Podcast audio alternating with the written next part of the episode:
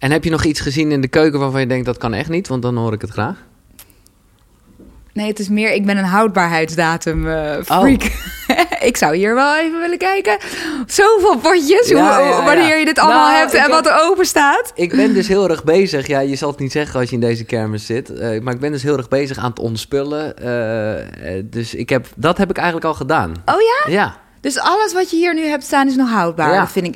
Of- Ja, ik, ik ken ik- niemand met zoveel spullen. Ja, ik heb al veel potjes, maar Ja. jij bent nog erger dan ik. Ja, nou, ik was wel benieuwd. Want ik las ergens dat jij 80 euro per maand besteedt aan pillen en poeders. Nou, dat, ja, dat, dat is echt heel laag, zeg maar. eh, oh, dat is nog, dat is naar ja, die heb ik echt nog naar beneden afgerond. Oké. Ik schaam me, denk ik, als ik Nee, maar ik- zo investeren in jezelf, eh, dat is helemaal goed. Maar, maar eh, oké, mag ik dan weten waar die, nou ja, laten we er 100 euro van maken of eh, 100 plus. Waaraan is het gespendeerd dan? Nou, ik heb wel mijn vaste eh, vitamines die ik Ja. eh, slik. Nou, gelukkig heb ik nu mijn eigen Ik wou lijn, dus dat scheelt. lijn, dus dat is- dat is ook een beetje uit eigen belang. Eh, nee, ik, eh, ik, nou ja, sowieso de, de vaste supplementen. Dus dat is voor mij inderdaad een multi, vitamine D, eh, omega-3, al Ja. die dingen.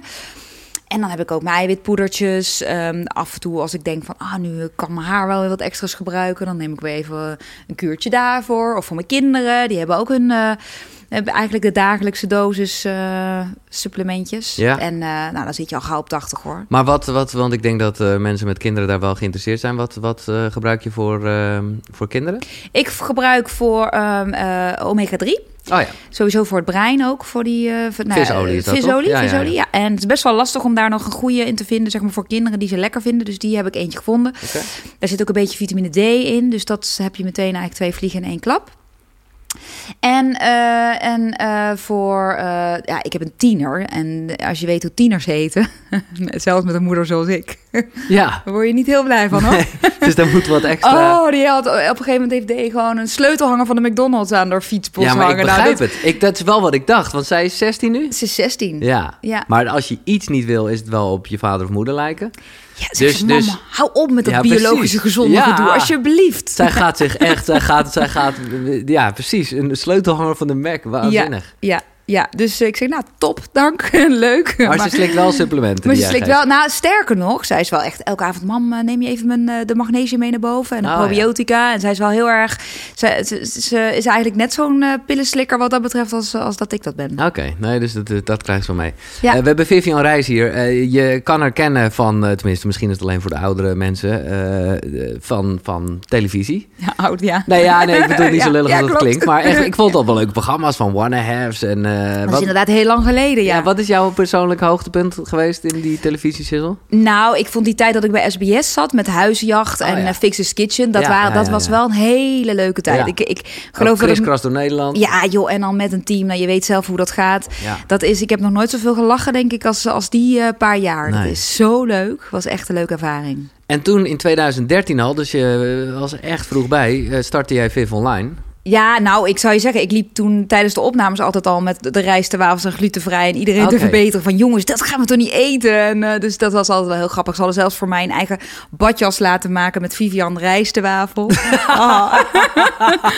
Ja, dus ik was altijd al bezig met gezond eten en, en, en mensen daarin een beetje helpen. Of Ja. pilletjes inderdaad toen al bij me van, voel je ziek? Oh hier, ik heb wel wat. Of, eh, Omdat je zelf had gemerkt, hé, hey, maar dat, daar krijg je energie van, word je gelukkig van. Ja, nou, ik heb wel daar ook een hele reis eh, naar moeten maken hoor. Dus dat was niet van de dag één eh, eigenlijk zo gestart. Want ik kom uit een Brabants gezin waarbij mijn moeder en nou, eigenlijk vooral mijn oma allemaal zijn heel slank gebouwd.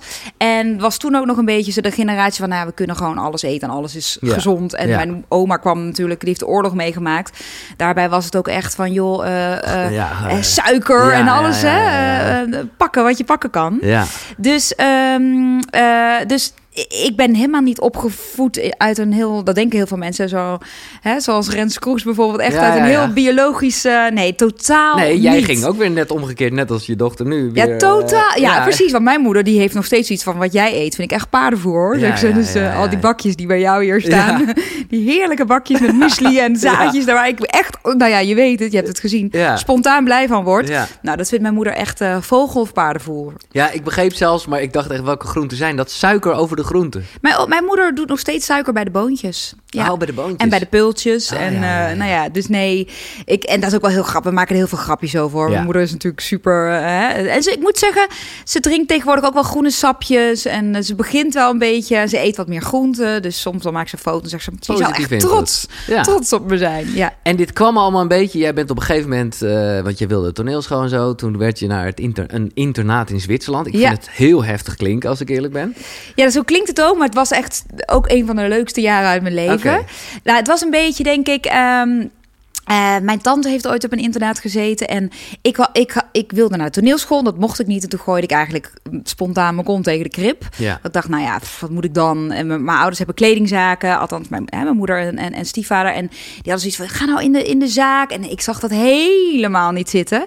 En toen, eh, maar ik was altijd bezig met zang en eh zingen en dansen. Ja. En, en allerlei talentenjachten meedoen tot grootste vervelend. op een podium staan dus. Ja, altijd. Ja. Nee, maar ik, ik deed ook echt elke talentenjacht deed ik mee.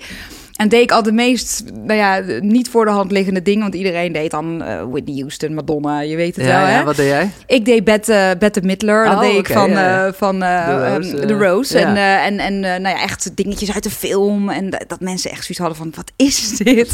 heel dramatisch, ja. Maar dat vond ik heel leuk. En, ehm, maar mijn, mijn ouders hadden zoiets van... Ja, ik kom ook uit Brabant. Toen leefde het natuurlijk ook niet, zo, niet per se door Brabant. Maar gewoon, ik denk... Gewoon- Ja, weet je, nu hebben we natuurlijk al die, die real eh, life soaps en idols. En eh, hè, het is voor Mm. mensen nu mogelijk om dat te bereiken. Maar toen leek dat heel ver weg. Het Ja. enige wat mogelijk was, was de mini playback show. En dat wilde ik wel heel graag. Dus eh, wel een dingetje waar ik nog spijt van heb. Dat, Dat ik- dat dat, ik dat nooit is. gedaan heb. Maar je ouders, eh, nou ja, eh, met heel veel liefde waarschijnlijk. Maar die hadden zoiets van, nou, dat gaan we niet doen. Nee, met heel veel liefde. Nee, die hadden zoiets van, dus geen geld in te verdienen. Je Nee. moet toch wel zorgen dat je... Hè? Dus, eh, en, en ik kom uit echt een ondernemersfamilie. Nou, dat Ja. zit ook wel echt in mijn bloed. Dat voel ik nu ook wel Ja. inmiddels. Maar... eh, dus toen, ehm, toen dacht ik, pff, ik wilde helemaal niks. En toen had mijn moeder zoiets van, nou, het heeft mijn, haar zus, dus mijn tante, goed gedaan. Misschien moet ze gewoon lekker een jaartje in het buitenland. Ik hou ontzettend van skiën. En de Franse taal, die lag me altijd wel heel goed. En nou, dus ik ging, eh, ik ging een jaartje in Zwitserland studeren. Frans geleerd een jaar, heel veel geskiet. Superleuke contacten opgedaan. En daarna had ik wel zoiets van, ik dacht, hmm, misschien is het toch wel leuk om een gewoon een leuke baan te hebben. Ja. En, eh, en dat toneelspelen eigenlijk een beetje uit mijn hoofd gezet. En toen ben ik gaan studeren. Heb ik hogeschool mode en management gedaan. Toch in de mode. Ja. Maar, maar afgerond. En toen dacht ik, eh, nu ga ik naar de toneelschool. En toen ben ik eh, de trap gaan doen in Amsterdam. Ah ja, dat wel echt... eh, En dat was super leuk. Maar ik, kwam al, ik heb geen talent. Nou ja, Ja, Ho- hoezo zeg je dat? nee, ik heb geen talent voor acteren. Nee, dus nee, ik omdat ben- je gewoon te natural bent. Gewoon te ben- naturel. Nou ja, ik, nou, ik ben me te bewust. Ja, ja. En toen, toen in één keer kwam eigenlijk... eh, iemand zag wel iets in mij. En die had zoiets van, ze moet meedoen aan een commercial. Toen heb ik meegedaan aan een commercial van Friese Vlag. En toen werd eigenlijk, toen ging er voor mij een deur open. En toen zei iemand van, ja, maar jij kan je zo goed eh verwoorden, moet je niet gaan presenteren. Toen dacht ik, ja, dat, vind ik, dat speelde ik Ja. vroeger eigenlijk wel altijd, Ja, ja, journaaltje. En nou, zo ben ik er eigenlijk toen in gegaan, Grappig. gerold. Ja, en dat Maar- vond ik heel leuk. Eh, de, de, in Zwitserland, dat, dat was wel een wat ongezonde tijd, zeg maar. Nou ja, Zwitserland, we aten. Ik weet nog wel, het eerste gesprek wat ik daar had op school, zei die, zei die directeur, die zei. Hou er wel rekening mee dat de meeste eh, meisjes komen hier in één jaar tijd 10 kilo aan. dus Maar ik zat echt nog, mijn moeder en ik echt zo, yeah, right, nou, het gaat echt niet gebeuren. Nou ja, je, je ontbeet daar uitgebreid, maar dat viel nog wel mee. Maar dan hadden we een lunch en dat was vaak echt wel, nou ja, kaasfondue, kaasraclette. Oh ja, dat kaas stond echt twee, drie keer Ah, ja, per, per week op het menu. Dan had je dus eh, rond vier uur hadden we tea time. Dat waren echt van die dikke Zwitserse broden. En dan met, met flinke, allemaal, allemaal zoet. Het was allemaal Ja, suiker. En dan, nou ja, s'avonds was het weer echt behoorlijk eten. En dan, en ja, in het weekend was het natuurlijk Drinken, alcohol drinken. ja. En we zaten bij de Nestlé-fabriek. Het was echt, ja, het was gewoon één groot feest. Oké, dus heb je het gehaald, 10 kilo? Twaalf. ja, ik ben er overheen gegaan. Oké dan. Ja. En, en eh, dus toen, toen moest je wel even, tenminste van jezelf, niks moet. Maar eh, toen voelde Nee, je wel... ik, de- ik voelde me daar aan het einde voelde ik echt. Ja, ik, ik kende dat gevoel ook helemaal Nee. niet. Dat, dat ik mijn broek er niet meer in kon. Nee. En dat ik terugkwam aan mijn vriendinnen, echt van die lekkere, nuchtere Brabantse, die me echt bij mijn onderkin pakten en zeiden: Zo, je hebt lekker gegeten. Nou ja, dat had ik natuurlijk ook wel. Maar ik voelde me helemaal niet lekker. Ik werd, ik werd ook heel moe en ehm, ja, ik zat totaal niet lekker in mijn vel. En eigenlijk is dat voor mij het punt geweest dat ik me met gezondheid bezig ben gaan houden.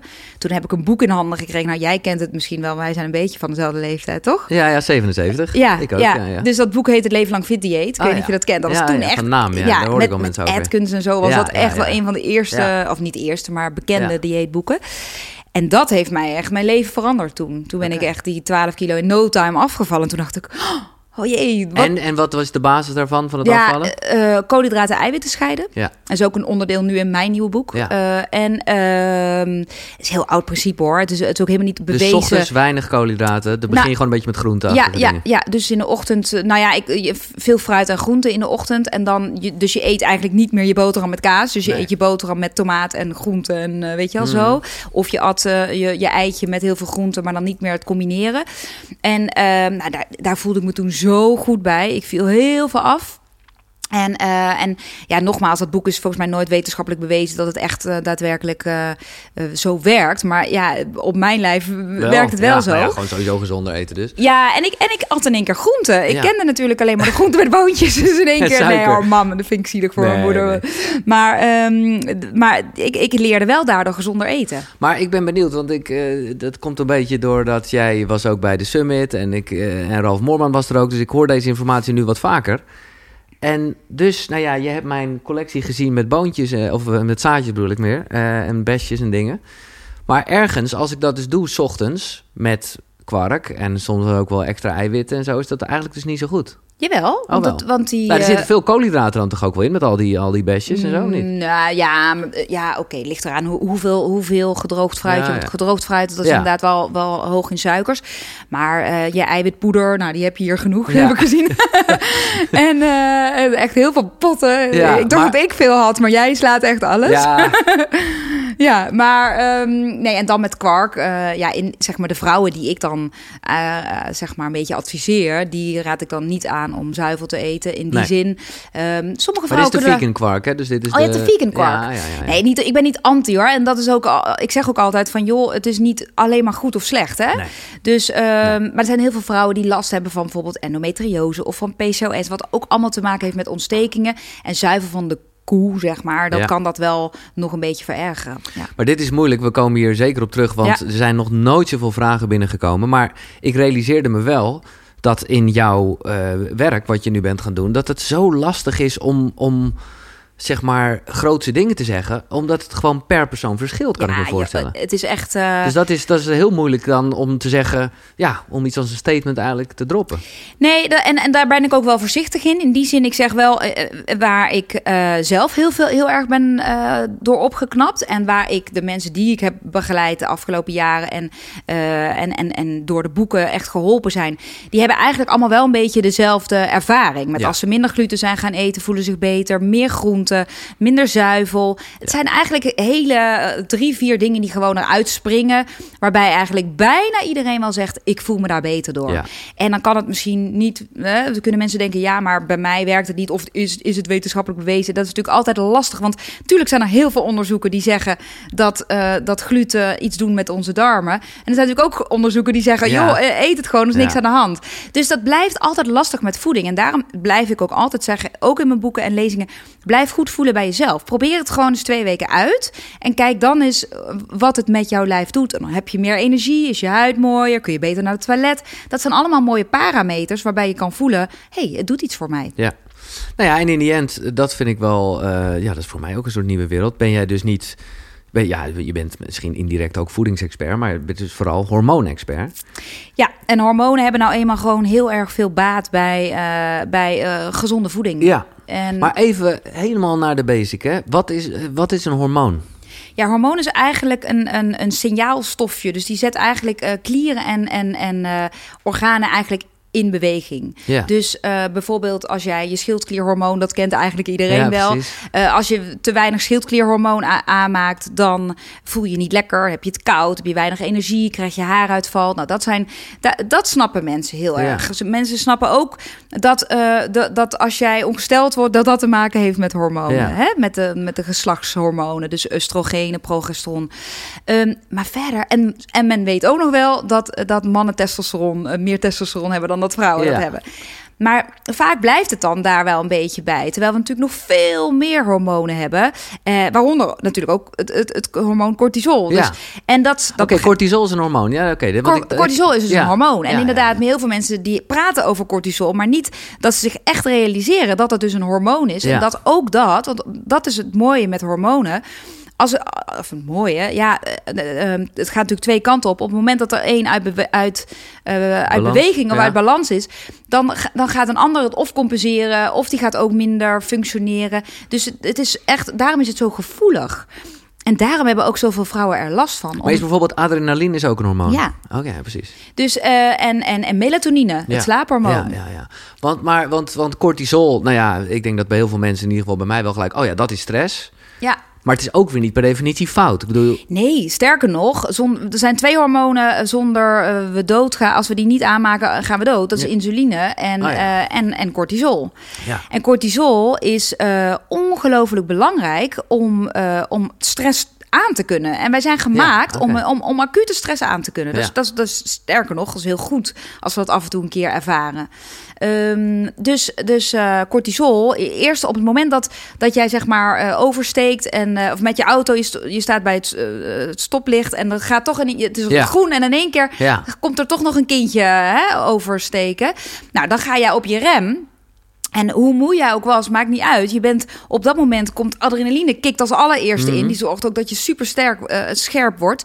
En daarna cortisol. En die zorgen ervoor dat je dus echt dat je beter hoort, dat je beter ruikt, dat je beter ziet. Dat alles. Nou ja, en, en, en dat is een reactie. Dat is, net, dat is gewoon. Want je- op dat moment was het gewoon even gevaar voor jou, maar ook voor dat kindje. Want het kindje heeft dezelfde reactie, hè? Want die is geschrokken en die denkt: oh shit, ik ben bijna aangereden. Nou, dat is dus eh, een, een, een normale reactie omdat een situatie niet veilig is geweest. Nou, en als, een, als iets langdurig niet veilig is, dan kan het dus zijn dat mensen langdurig deze reactie aanhouden. Dan wordt het. eh, En dan wordt het chronische dan stress. krijg je chronische stress. En, dan, en, en, en wat is het? Dan heb je te veel cortisol. Nou, dan, dan is, is cortisol langdurig hoog geweest. Of langdurig heel erg pieken en dalen. En, eh, lang, en, en dan op een gegeven moment krijg je een soort uitputtingsfase. En dat zie je dus bij heel veel mensen die een burn-out hebben. En we noemden dat eerst eigenlijk een bijnieruitputting. Daar komen nu wetenschappers steeds meer van terug. Want de, de bijnieren zijn nooit echt uitgeput. Het ligt meer in de resistentie van de cel. Nou, dat is een beetje een ingewikkeld Nee, verhaal. Maar ehm, nou ja, je kunt je eigenlijk heel goed voorstellen... op het moment dat er heel veel cortisol aangemaakt moet worden... eh dan moet er maar een beetje cortisol de cel inkomen om actief te worden. En op het moment dat er heel veel aangemaakt wordt... dan denkt die cel, hallo, ik heb genoeg. Zoveel wil ik helemaal niet. En dan hebben ze heel mooi... Dat is, de natuur is zo mooi. Allemaal Ja. receptoren zijn eigenlijk sleutelgaten. En die, en die worden op slot gegooid. En die zeggen, oké, tot hier en niet verder. Nou ja, en dan, dan krijg je eigenlijk een, een, een soort... Ja, een chronische stressreactie in Ja. het lichaam. En, en dat hebben heel veel mensen op dit moment. Want we hebben dan, wij hebben dan nu even zo'n momentje genoemd. Maar denkbeeldige stress, of eh, niet alleen maar denkbeeldige Nee. stress, maar Ja, angst. Die er nu regeert. En Niet mensen hè, die, die misschien hun banen verliezen, financiële. Eh, red ik het nog wel eh, aan het eind van de maand? Angst Of- is het virus. Dat is. dat, dat, ja. dat is gewoon funest voor onze hormoonhuishouding. En er zijn ook zoveel vrouwen. Ik krijg, nou, naar aanleiding ook van jouw eh, webinar, Ja. eh, zoveel vrouwen die zeggen: ja, ik heb me eigenlijk nog nooit zo slecht gevoeld en me nooit gerealiseerd dat het misschien wel door mijn hormonen komt. ja.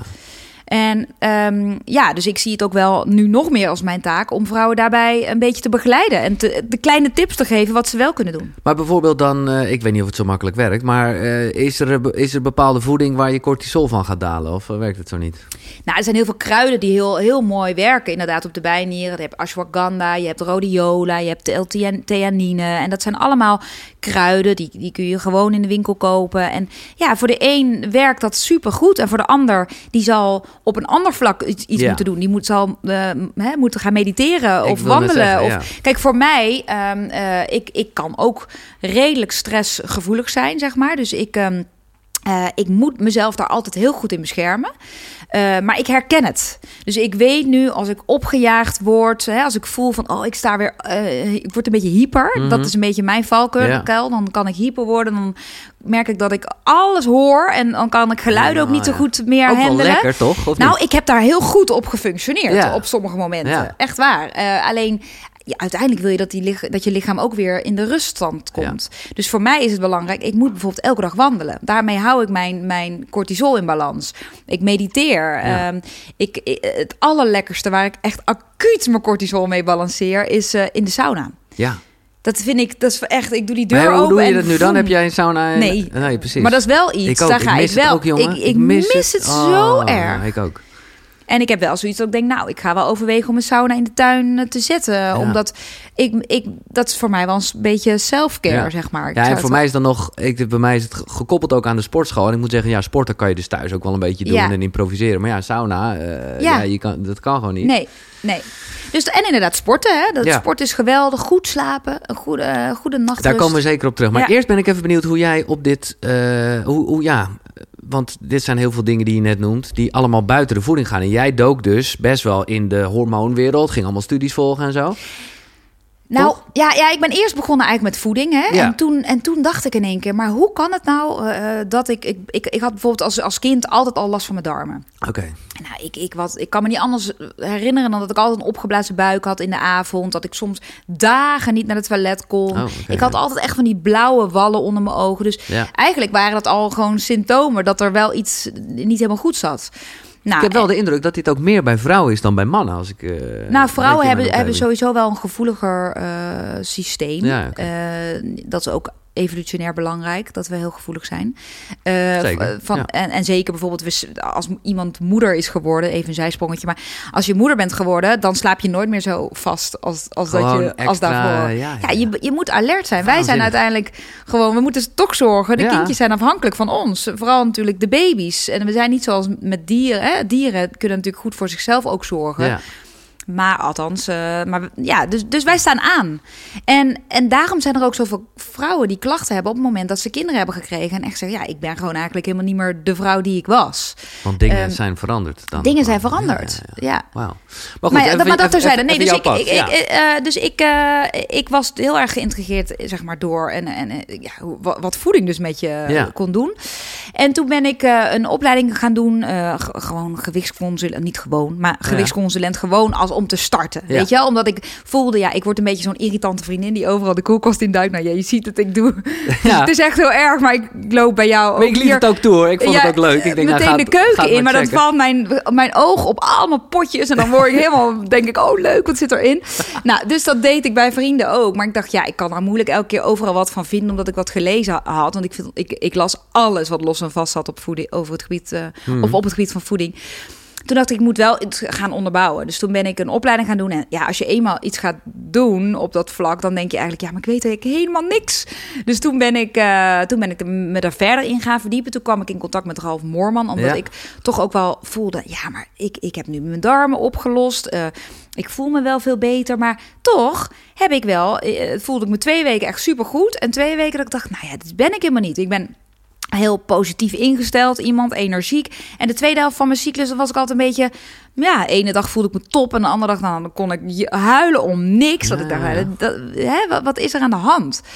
En toen kwam ik eigenlijk in contact met Ralf Moorman. En die begon toen, die had nog niet zijn opleiding eigenlijk nog niet eens. Die is pas later. En toen ben ik meteen de eerste lichting gaan volgen. Ja. Ik zeg, ja, ik wil daar gewoon wat meer over weten.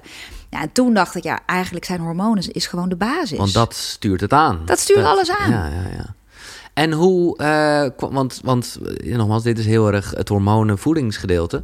Maar wat ik jou net hoor zeggen met mediteren, dat, dat ga- gaat veel. Dus hoe, hoe ben je, wat heb je daarin allemaal ontdekt? En, of was je daar altijd al van? Bedoel, Nee, nee, nee, nee, nee, nee. Nee, ik, ik, ik moet zeggen, dus ik ben toen eh, het, het hormonen, eh, eh, ja, de hormonenkant op Ja. gegaan.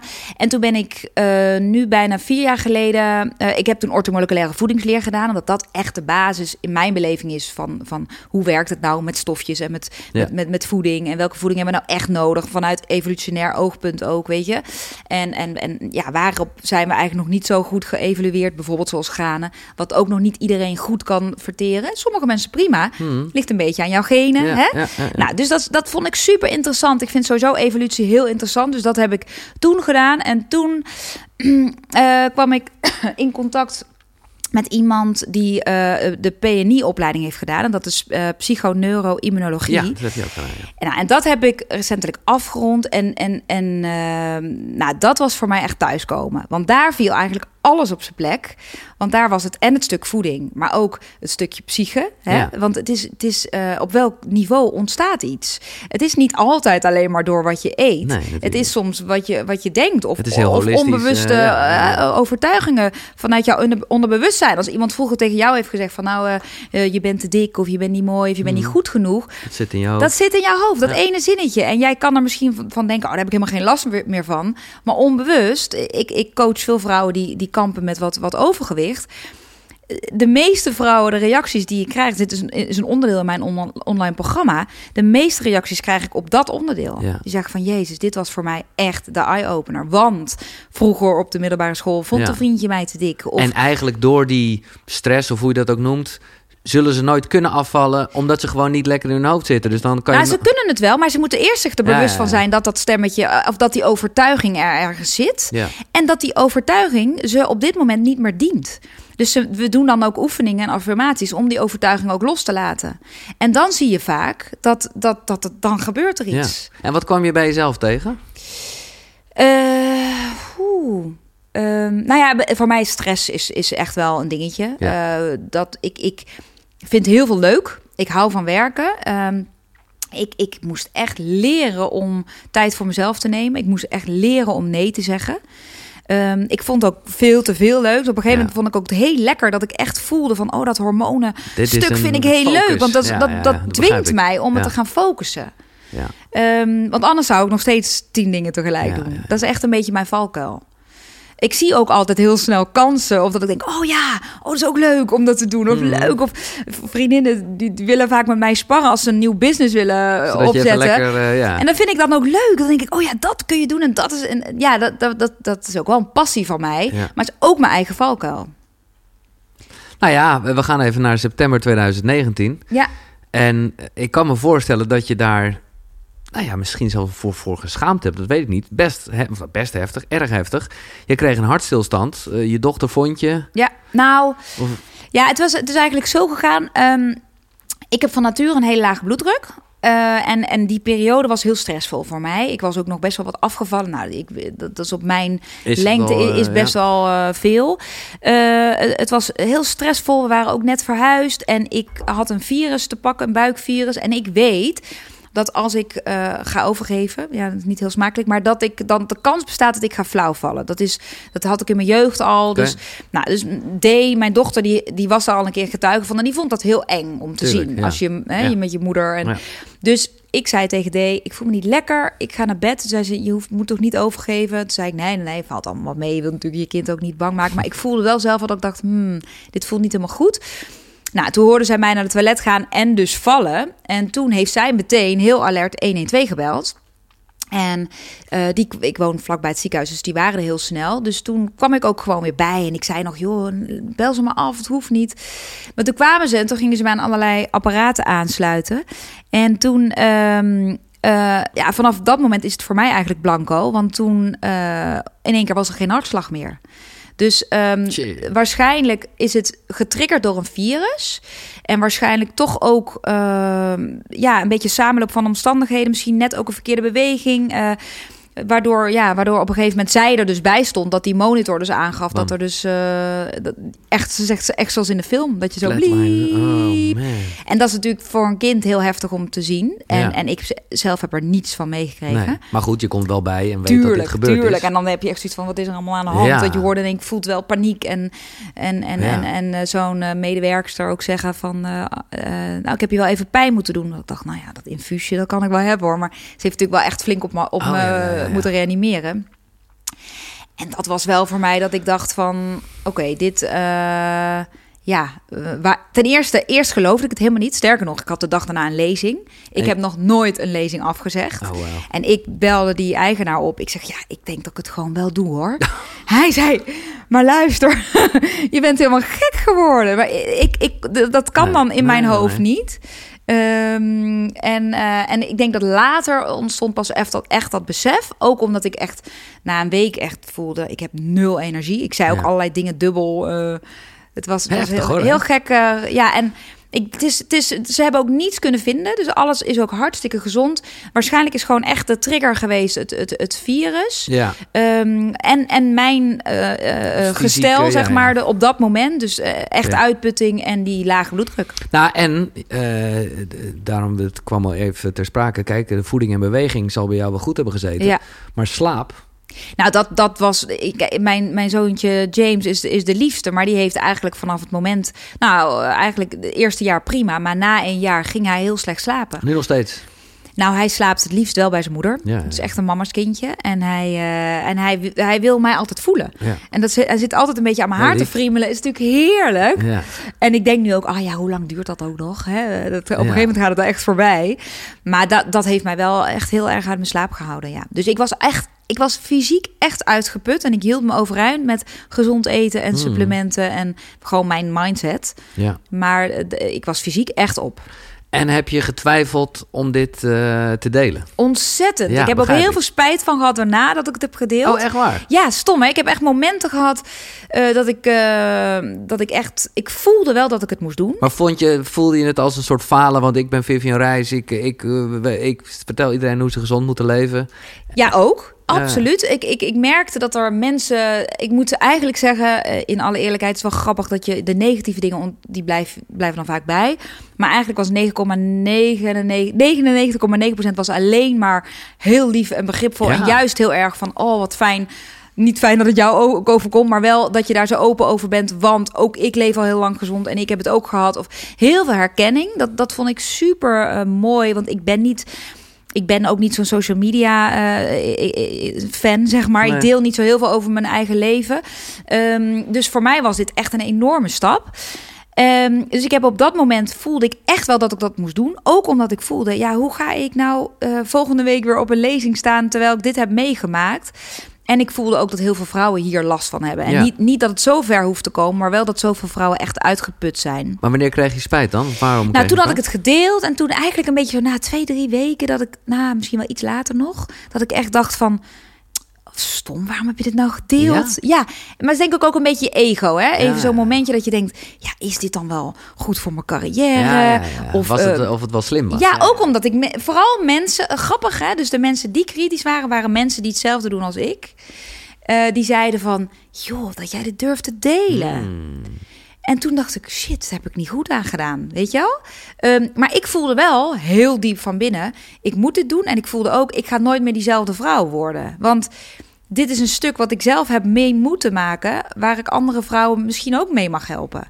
Ehm, dus ja, eh, achteraf heeft, zijn dus momenten geweest dat ik dacht, ik had het niet moeten doen. En, en, en tegelijk denk ik nog steeds, het is prima, het is echt goed zoals het Heb is. je dat nu nog steeds? Of ben je nu wel duidelijk dat je... Nee, bij- nu ben, ik er, nu ben ik er wel. Ik merk alleen wel dat nog steeds natuurlijk, het is, eh, is relatief een- kort geleden, Ja. dat nog steeds wel mensen, ook in een setting, ik bedoel, wij hebben nu een beetje een diepte-interview, Ja, ja, ja. maar er zijn ook mensen die, in, als je tien minuten te gast Even bent, dat even snel. dat even snel. En, dan denk ik, ja, maar dat, nee. Plus, ik hou niet zo van eh, weer constant herhalen Nee. wat er is geweest. Dan denk Nee. ik, ja, oké, dat... eh, Maar wat heeft het je gebracht?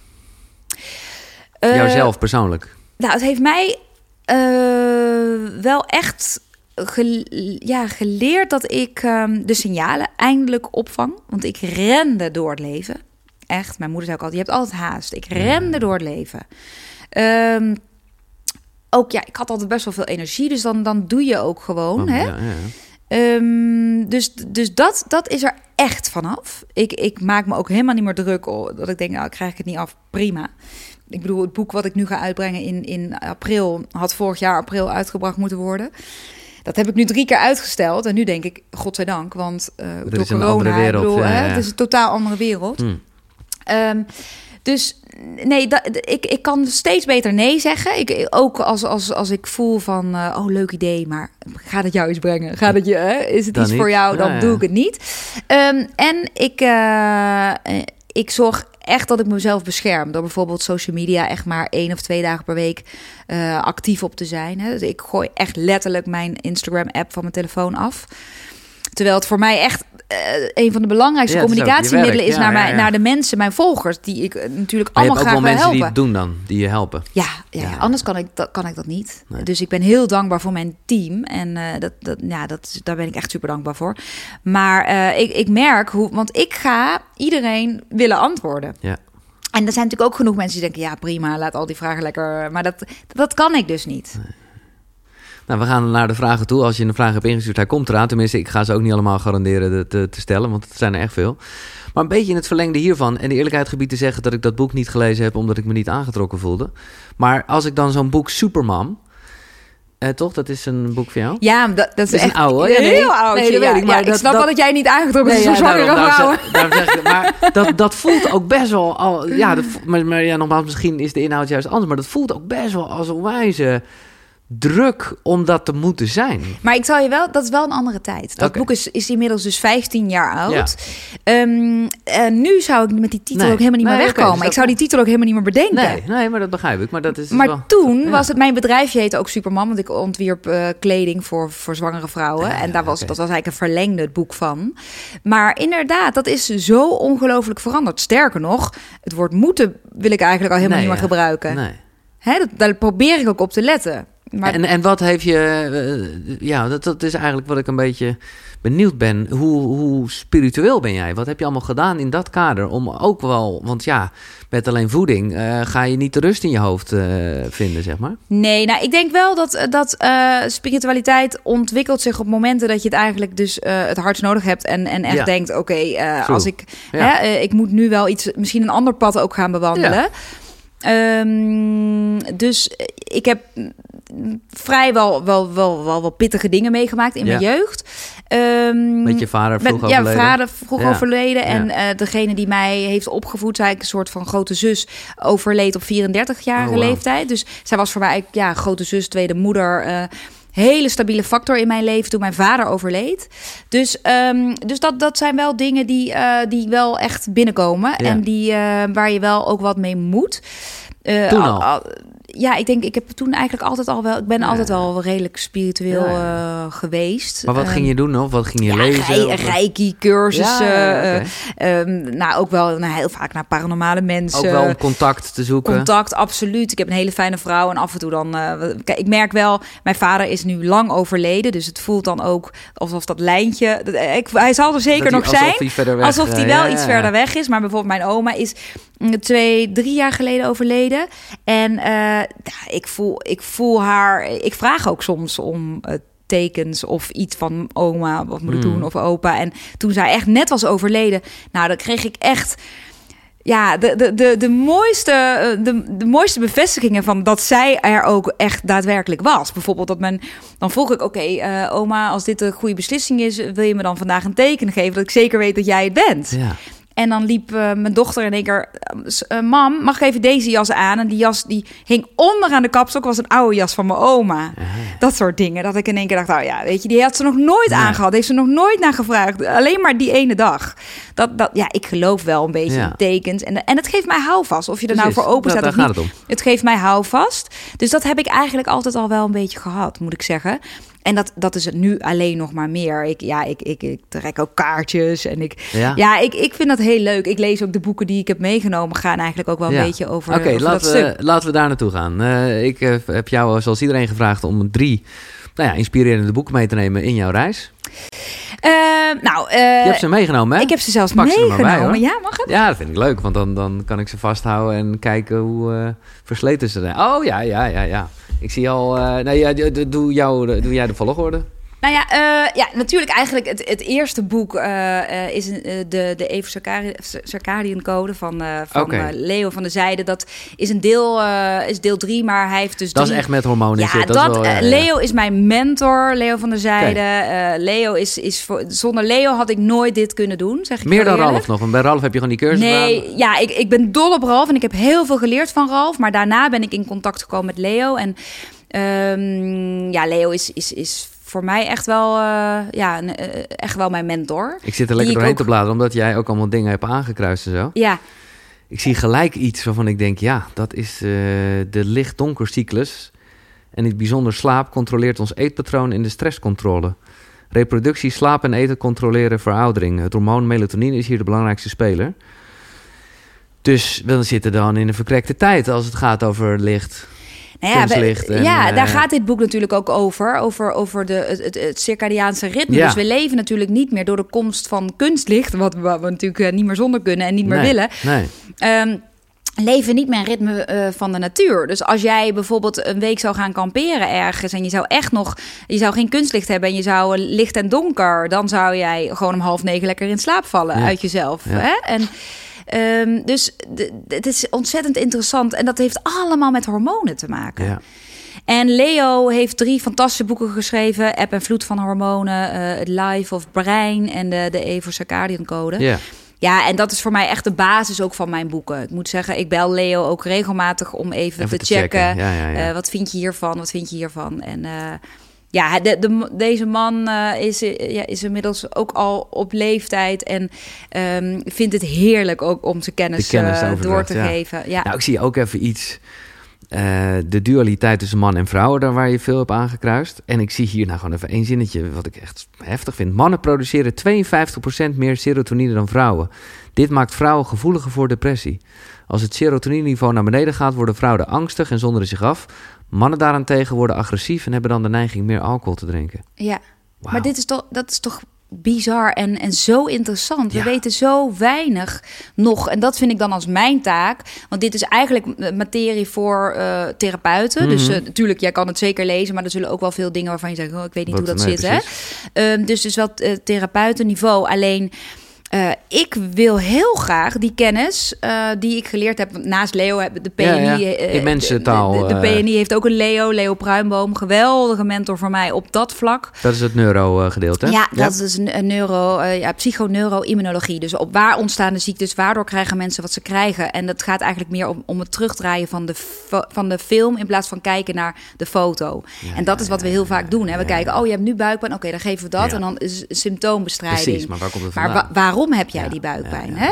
Eh, bijvoorbeeld ben je, ben je een keizersnee-baby? Heb je borstvoeding gehad? Eh, dat, dat zijn allemaal eh, dingen die meespelen, die nu kunnen meespelen, waardoor jouw flora misschien niet helemaal in balans is.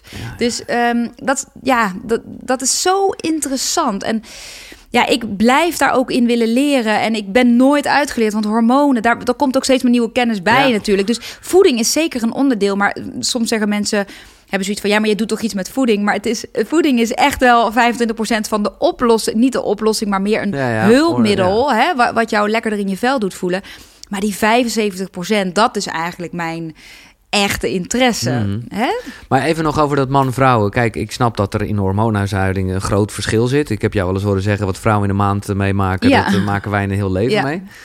Maar het is toch ook, hoe zeg je dat? Er zit toch ook wel heel veel gelijkenis in bij mensen. Als in, ik heb toch ook vrouwelijke energie en je hebt toch ook mannelijke energie? Of, Ja, maar dan heb je het meer over, over energie. ja, precies. En dat is toch iets anders. Want Ja. op het moment dat stel je voor dat ik eh, ehm, eh, testosteron zou gaan smeren of slikken, Ja. nou, dan word ik niet per se een hele leuke vrouw van hoor. Nee, oké. Daar, dan zou ik echt wel eh, een veel bazigere vrouw kunnen worden. En dus ehm, eh, hormonen, en dat is hetzelfde met de pil. We geven wel alle vrouwen de pil. En, en, en niet om een oordeel te hebben over de pil, want heel veel vrouwen die gaan heel goed op de pil en, eh, en hebben er baat bij. Maar ik zat net nog in de auto hierheen een super interessante pod- podcast te luisteren. Over dus een vrouw die heeft allemaal onderzoek gedaan naar de pil. En ook dus hele leuke weetjes. Dus, dus bijvoorbeeld vrouwen in het stripclub die dus de pil slikken. En vrouwen die niet de pil slikken. Dus die een natuurlijke cyclus hebben. Dus ook een natuurlijke Oh ijsprong. ja, wij ruiken het, hè? Ja, mannen, mannen door pheromonen Ja, bij ruiken. En voor allemaal, dat uit onderzoek is gebleken dat vrouwen die, die aan de pil slikken, krijgen eigenlijk gemiddeld elke dag dezelfde tip, dezelfde Ja. fooi. En vrouwen die een, een- geen pil slikken en natuurlijke eh, cyclus hebben rond die ovulatie, nou dat is echt sky high, die, die, die tips. Want mannen die vinden vrouwen dan veel aantrekkelijker. Ja. Ze is het ruiken andersom? lekkerder. Is het ook andersom? Want kijk, dan kan je je afvragen wat beter werkt als het gaat om de tips. Nou, eh, en dat was dus ook net tijdens die podcast. Is dus, eh, we vinden dus, op, als wij onze partner kiezen. Als wij aan de pil zijn, kan het zijn dat een andere partner zouden hebben gekozen als we niet aan de pil zijn. Want wat wil het lichaam eh, reproduceren? Hè?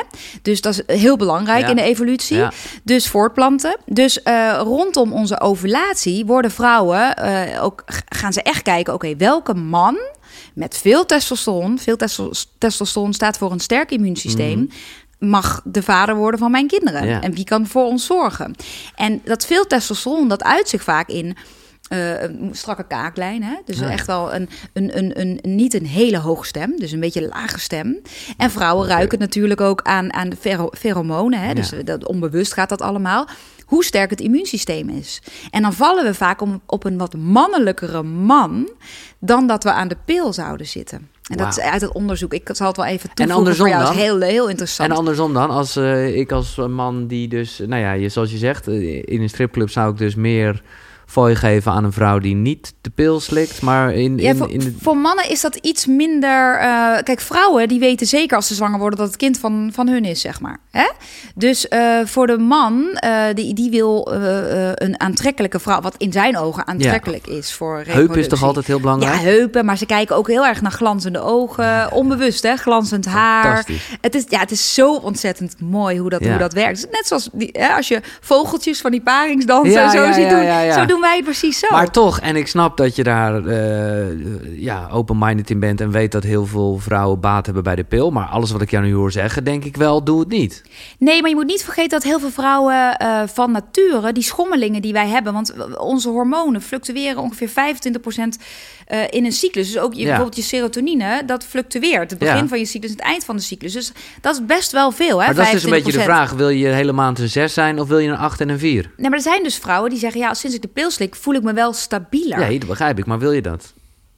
Er zijn vrouwen die, die dat wel echt nodig hebben, omdat ze anders te erg pieken en dalen. Ja, daarom En zeg dat ik. niet Dat is een prettig 8, een vinden. 8 en een 4. Ja, Nee, maar ja, ja. Dat je wilt En- toch die 8? Ja, ja, ik wel. Ja. En dat daar een keer een vier tussen zit. Ja. En een dag dat je lekker met, een, met, met, je Netflix eh, en een dekentje op de bank zit. Ja. En een reep chocola. Prima, die moet er ook af en toe zijn. Da- dat probeer ik vrouwen ook mee te geven. Luister ook een keer gewoon lekker naar jezelf. We hoeven niet elke dag die, die Nee, fit girl precies. te zijn en, Nee. en, en, en, eh, helemaal te presteren. Eh, sterker nog, het kan gewoon niet. Want je fluctueert elke dag. Elke dag zijn onze hormonen anders. We gaan, eh, dit- is een onderwerp, het zal, het zal je niet verbazen, dat veelvuldig voorkomt in de vragen. Dus daar komen we op terug. Maar dit was het eerste boek. Dit was wel een beetje in de lijn Nou ja, met, dat is eh, gewoon voor mij de basis van mijn kennis. Eh, althans, ja, ja, ik- pak er altijd ook op terug. Is ik, oh, Leo nog bij macht om dat ik hem te gast kan hebben, denk je? Dat denk ik wel, ja. Jij zegt Ja. dat hij oud is, maar het, het Nee, ik bedoel niet oud. Ja, hij is wel in de 70, maar Ja. hij is eh, eh, zeker. Hij kan ontzettend goed zijn verhaal vertellen. Hm. En hij geeft les. Ik heb van hem les gehad. En ik heb het, ja, de mazzel dat ik, eh, dat ik met hem af en toe even mag sparren. Ja, En daar ben ik heel dankbaar voor. ja. En dat is gewoon super fijn ook. In, ook zeker in mijn vak, want ook ik ben natuurlijk geen arts, ik ben geen gynaecoloog. Ik heb wel mijn opleidingen gedaan, maar toch heb ik wel, komt dan ook weer dat prestige eh, eh, een beetje naar boven. Dat ik, ik wil gewoon wat ik zeg, wil ik kunnen onderbouwen. En Ja. dan heb ik het geluk dat ik deze mensen dan af en toe kan bellen van hoe zit dat nou? En eh, heb ik het goed? Want ik lig ook wel soms wat meer onder de loep dan andere mensen. En, en zeker de mensen die er nog steeds van overtuigd zijn, die zeggen: Ja, maar je bent toch een foodbloggertje? Oh, ja, moet ik dat soms nog steeds een beetje tegen vechten. Ja, en, ehm, maar dat kan ik ook steeds beter langs me, naast me neerleggen. Oké, we gaan naar een ander eh, boek. Nou, dan is het... eh, eh, jij bent de placebo. Ja. Joe Dispenza. Vast wel eens van gehoord, Zeker, toch? staat ja. ertussen ook, Ja, hoor. ik ben een groot fan van Joe. Ja. Echt, ik, nou ja, ik heb ook zijn, zijn eh, meditaties eh, app op mijn telefoon. En ik vind Joe geweldig. Ja. Een, neuroscientist, Dr. Joe Dispenza. Een Amerikaan die echt ja, heel veel weet hoe werkt het nou in het brein. En, en wat gebeurt er op het moment dat we onszelf gezond denken. Ja, Hè? want dat is eigenlijk waar. ja. Nou ja, en Ja. binnen de PNI-opleiding komt ook heel vaak het effect van placebo terug. Hè? Wat, wat gebeurt er als we tegen iemand zeggen: dit is, een, eh, dit is jouw medicijn en er zit niks in? eh, eh, dan zie je toch in één keer dat mensen opknappen. Als je het gelooft, is het zo, ja. Nou ja, en dat, dat is dus waar hij echt nou ja, miljoenen voorbeelden ondertussen van heeft. En in dit boek een aantal hele mooie. Dus ik. en wanneer las je dit, weet je het nog? dit heb ik na mijn, na mijn hartstilstand. Ja, eh, ben, oké. ik, ben, ik, ben ik echt uren filmpjes van hem gaan lezen Ja. of gaan, gaan luisteren Ja. in, in bed, gaan bekijken. Toen eh podcast gaan luisteren, toen heb ik dit boek gekocht en toen dacht ik, ja, ik, dit kan ik. Ja. Want ik weet dat ik, ik ben een positief ingesteld iemand. En ik was niet ziek, maar ik kon. eh, ik, ik, ik moest wel iets oplossen voor mezelf. Ik moest wel, eh, ik moest wel echt, echt wel anders naar mezelf gaan, eh, gaan kijken. En, ehm, en toch echt ehm, mezelf een beetje beter gaan beschermen voor. Mhm. voor eh, Ook lief zijn voor jezelf. ja, ik mo ik, dat, dat mocht ik zeker lief zijn voor mezelf. ja. Lieve, Dat moest ik ook echt leren. Ja. Ik heb een hoge, eh, mijn, mijn, mijn eh, lat leg ik vrij hoog voor mezelf. Hè? Dus niet dat ik dat van andere Nee, mensen precies. verwacht, helemaal niet. Maar ik, ik wil wel, eh, daarom doe ik ook bijvoorbeeld veel opleiding. Omdat ik wil ook, ik wil mijn kennis ook. Ja. eh, Maar is dat, het is een beetje een spiegel hoor. Mijn vader is ook eh, best jong overleden. Ik denk niet zo jong als hij. Maar ik voel wel heel erg dat daar ook een, een, een soort van... Oh, hij, zal, hij zal trots op me zijn, achtige vibe. Eh, waardoor waardoor Zeker. ik het heerlijk vind om zo streng voor mezelf te zijn. Want dat is dan, ben ik een soort vader voor mezelf of zo. Ja, ik weet niet. Nou ja, dat zeker. Ik, soms denk ik ook wel eens, waar komt het nou vandaan? Mijn Ja. moeder is hartstikke trots, mijn stiefvader is hartstikke trots. maar toch, eh, en ik heb ook wel echt een missie. Want ik zie zoveel vrouwen worstelen. Dan denk ik, joh, kom op, eh, eh, doe het, Ja, pak ja, het aan, weet je wel? En, en, en dat doet ieder natuurlijk op zijn eigen moment wanneer je er klaar voor bent. En wanneer de pijn groot genoeg is dat je er iets aan wil doen. En voor mij was die pijn wel, zeg maar, privé groot genoeg in die zin... dat ik ook echt dacht, wat zit ik me nou allemaal druk te maken? Er zijn maar twee personen in mijn leven waar ik echt verantwoordelijk voor ben. Dat zijn Day en James, mijn twee kinderen. En, eh, en ik wil dat zij uiteindelijk zeggen... oké, mijn moeder was er, gedaan, was ja, er eh, voor ons... en niet, eh, ze was alleen maar aan het werk. nee, nee, nee, nee. En hebben de... de ja, zal ik het tegenslagen noemen? Dat klinkt weer gelijk zo negatief. Maar het gedoe in de liefde, wat heeft dat je gebracht dan? Als het gaat om... Want nu, nu noem je heel bewust alleen je kinderen. Maar goed, op het moment dat je een Nou ja, partner waar ik hebt- verantwoordelijk voor ben. Ja, ja, zo bedoel Ja, je. Ja, ja, ja, oké. ja. Ja, nee, ja, eh, mijn, mijn liefdesleven is, een, eh, is ook een, eh, een rollercoaster geweest op bepaalde momenten. Maar ook daar heb ik heel veel in geleerd. En wat is de grootste les dan? Wat, als je het positief herformuleert, wat heb je ervan geleerd? ehm, nou, uiteindelijk. zit Trouw al- nooit meer. nou, dat doe ik ook niet meer. nee, dat is flauw. Dat is Nou ja, ik, ik hou wel ook wel van mijn eigen plek, mijn eigen Ja. ruimte. Ik ben wel, wel eh, ehm, nou, ik ben wel graag ook, ook af en toe alleen. En, eh, en was dat eerst niet zo? eh, ik, ben, ik ben enig kind eigenlijk. Ik heb wel twee halfbroers, maar ik ben enig kind opgevoed. Dus ik, ben wel, ik kan dat heel goed alleen Ja, zijn. oké, ja, ja. Ik denk ook wel dat ik dat soms misschien wel meer nodig heb dan eh, sommige mensen binnen een relatie. Maar ik vind het ook heerlijk in een relatie. En ik vind het ook heerlijk om mensen om me heen te hebben. Dus dat is niet, ik ben geen Einzelganger of zo. Maar ik vind het, ik kan het wel heel erg. Ik heb het nodig om af en toe even alleen op de bos of met mijn kinderen. Maar ik vind ehm, de liefde heeft mij wel ook laten zien dat. ehm, Uiteindelijk zit, alle, zit alles in jezelf. Ja. En het klinkt super cliché. Nee, hè? maar de, de- ik voel dit helemaal. Maar ik heb bijvoorbeeld eh Hanna, Hanna Hanna Kuppen, Kuppen ja, is, mijn, ja, is mijn oude buurmeisje. Oh. En dat is zo ontzettend bijzonder. We hebben elkaar laatst na, na. 20 jaar weer gezien en uren zitten kletsen. Ja, En dat boek was voor mij ook echt wel een eye-opener. En liefdesbang, ja. om, uiteindelijk zit het in jezelf. En je moet e- echt jezelf eh, eh, alles geven. Ehm, en dan, dan pas ben je eigenlijk daar. eh, maar ja, dat is, dat is, te delen, dat, ja. dat is soms moeilijker gezegd ehm, Hmm, dan gedaan. ja. Mooi, je- ik leer elke dag. Ja, nee, maar wij allemaal. Dat is ook het mooie. En, en, en ja, Hanna heeft me wat dat betreft ook weer heel veel geleerd. In combinatie met Jan Geurts. Waar Ja, ook. Ja. Ja. Oké, eh, jij bent de placebo, leuk. Dr. Joe Dispenza. En inderdaad, volg ook zijn... eh, ja, het is een fantastische gast. Nou, ik gun dat iedereen die bijvoorbeeld kampt met chronische klachten en denkt, maar wa- waarom kom ik nou niet verder? Ja. En eh, ik bedoel, er zijn ook mensen die dat totaal niet in, in kunnen geloven. Maar is dit iets wat, wat, wat, we, wat ik zeg maar, deze stroom erbij... kunnen we dat ook verwachten in, in jouw nieuwe boek, zeg maar? Een beetje. Ja, Ja, er zitten wel affirmaties in. Er zit ook wel. ja, ik, ik heb recentelijk nog ehm, een, een leuke opleiding gedaan. Eh, ehm, die eigenlijk dat onderbewustzijn dus aanspreekt. Hè. Wat zijn nou overtuigingen, negatieve overtuigingen die jou tegen kunnen houden? Ja, Ja, dat is wel. In mijn online programma is het echt een groot onderdeel aan het worden. ja. En, en in mijn boek een beetje. Want het is lastig om dat op papier echt. Snap je moet dat ja. toch. Je moet met Voelen, die mensen ja. in contact eigenlijk komen om dat te kunnen oplossen. Maar eh, ik sta daar zeker, eh, ja, ik sta er zeker heel erg open in. Want dat, ik zie wel dat het ongelooflijk Nou, ik belangrijk vind het wel mooi om dat erin mee te nemen, omdat dat, eh, nou ja. Ja. dat alles bij elkaar is natuurlijk. Oké, en dat brengt ons bij het laatste boek. Ja, dat is mijn soort bijbeltje. En dat, ken deze dat, niet. Dat, ligt, dat, dat, dat, ligt- dat is alleen maar met affirmaties. Oh, en, eh, ja, ja. En dat ligt naast mijn bed. En eh, soms dan sla ik hem open op de pagina van als ik gewoon dan ben ik benieuwd wat, wat het leven mij brengt, Ja, wat ja, ik dan ja. moet lezen. Oh, leuk. Ehm, maar eh, en, Oh. en dat, ja, dat is. ehm, ja, soms komen er hele gekke dingen Ja. uit. Ehm, het, het zijn allemaal overtuigingen, eh, die, affirmaties eigenlijk, die jou helpen om bepaalde situaties eh, nou ja, beter te zien en, en ondersteunen en energie daarin eigenlijk te veranderen. En als je bijvoorbeeld eh kampt met een negatief zelfbeeld, dan heb je daar affirmaties Oh. voor. Of, Ik, je hebt, je hebt, dit, dit vind ik echt een mooie. En ik denk dat die gaat over het ontwikkelen van een succesvolle persoonlijkheid. Tenminste, daar heb je hem al. Ja, dat dat ja, las ik net, ja, vind ik. Maar zou je hem willen voorlezen? Ik moet namelijk ook even naar het toilet. oh ja hoor. Ja. Lees hem rustig voor, want ik denk dat mensen dit echt... Dit vind ik echt een waanzinnige. Ja, het is wel. Kijk, ik, ik, ik, ik gebruik deze ook in mijn, in mijn programma's. Oké. je, moet- je moet eh, er wel voor openstaan. Er zijn Tuurlijk, ook mensen die hebben zoiets van, leven, ja, tuurlijk. van ik vind hier niks. Maar ik vind dit prachtig. En als ik las dit, hem even net, ik kreeg gelijk. Ja, en als dit resoneert, Ja, ga jij even plassen, lees ik hem voor. Ehm, het ontwikkelen van een succesvolle persoonlijkheid. Niets in het universum is zo betoverend, zo charismatisch en fas- fascinerend als het goddelijk zelf.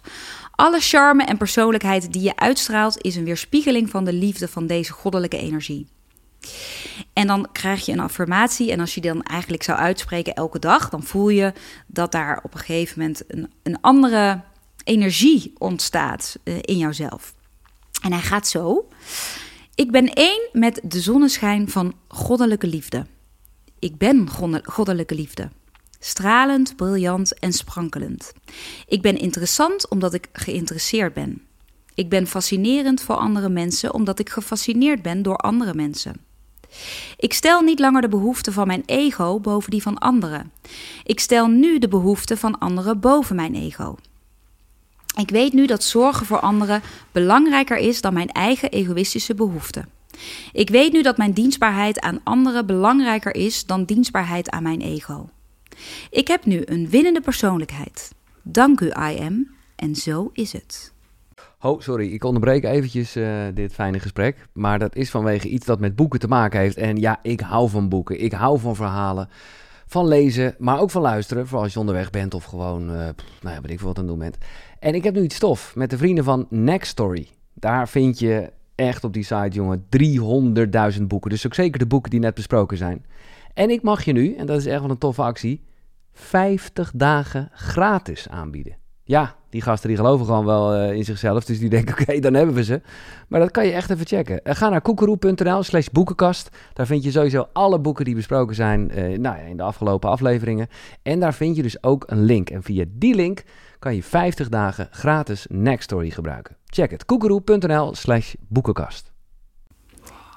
En, voel je hem? ik had gewoon geen zin om door te trekken omdat ik dan een stukje miste. Maar ik, ja, Ja, ja maar dat, dat, soort, dat soort affirmaties en prayers noemen ze dat. Dat is van Susan Chomsky. Geweldig. Ja, Eh, die geven mij heel veel kracht. En ehm, soms doe ik gewoon twee weken helemaal niks hoor. En soms in één keer denk ik, Ja. oh ja, weet je, dan pak ik het boekje er weer bij. Ligt echt op mijn nachtkastje.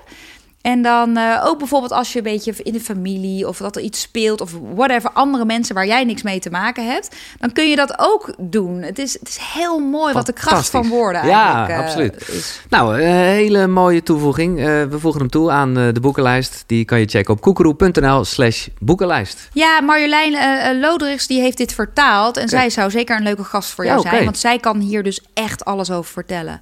Ja. Eh, van de boeken gaan we naar, ja, jij noemt het al een beetje met de affirmaties. Ben ik heel benieuwd hoe jouw eh, ochtendritueel eruit ziet.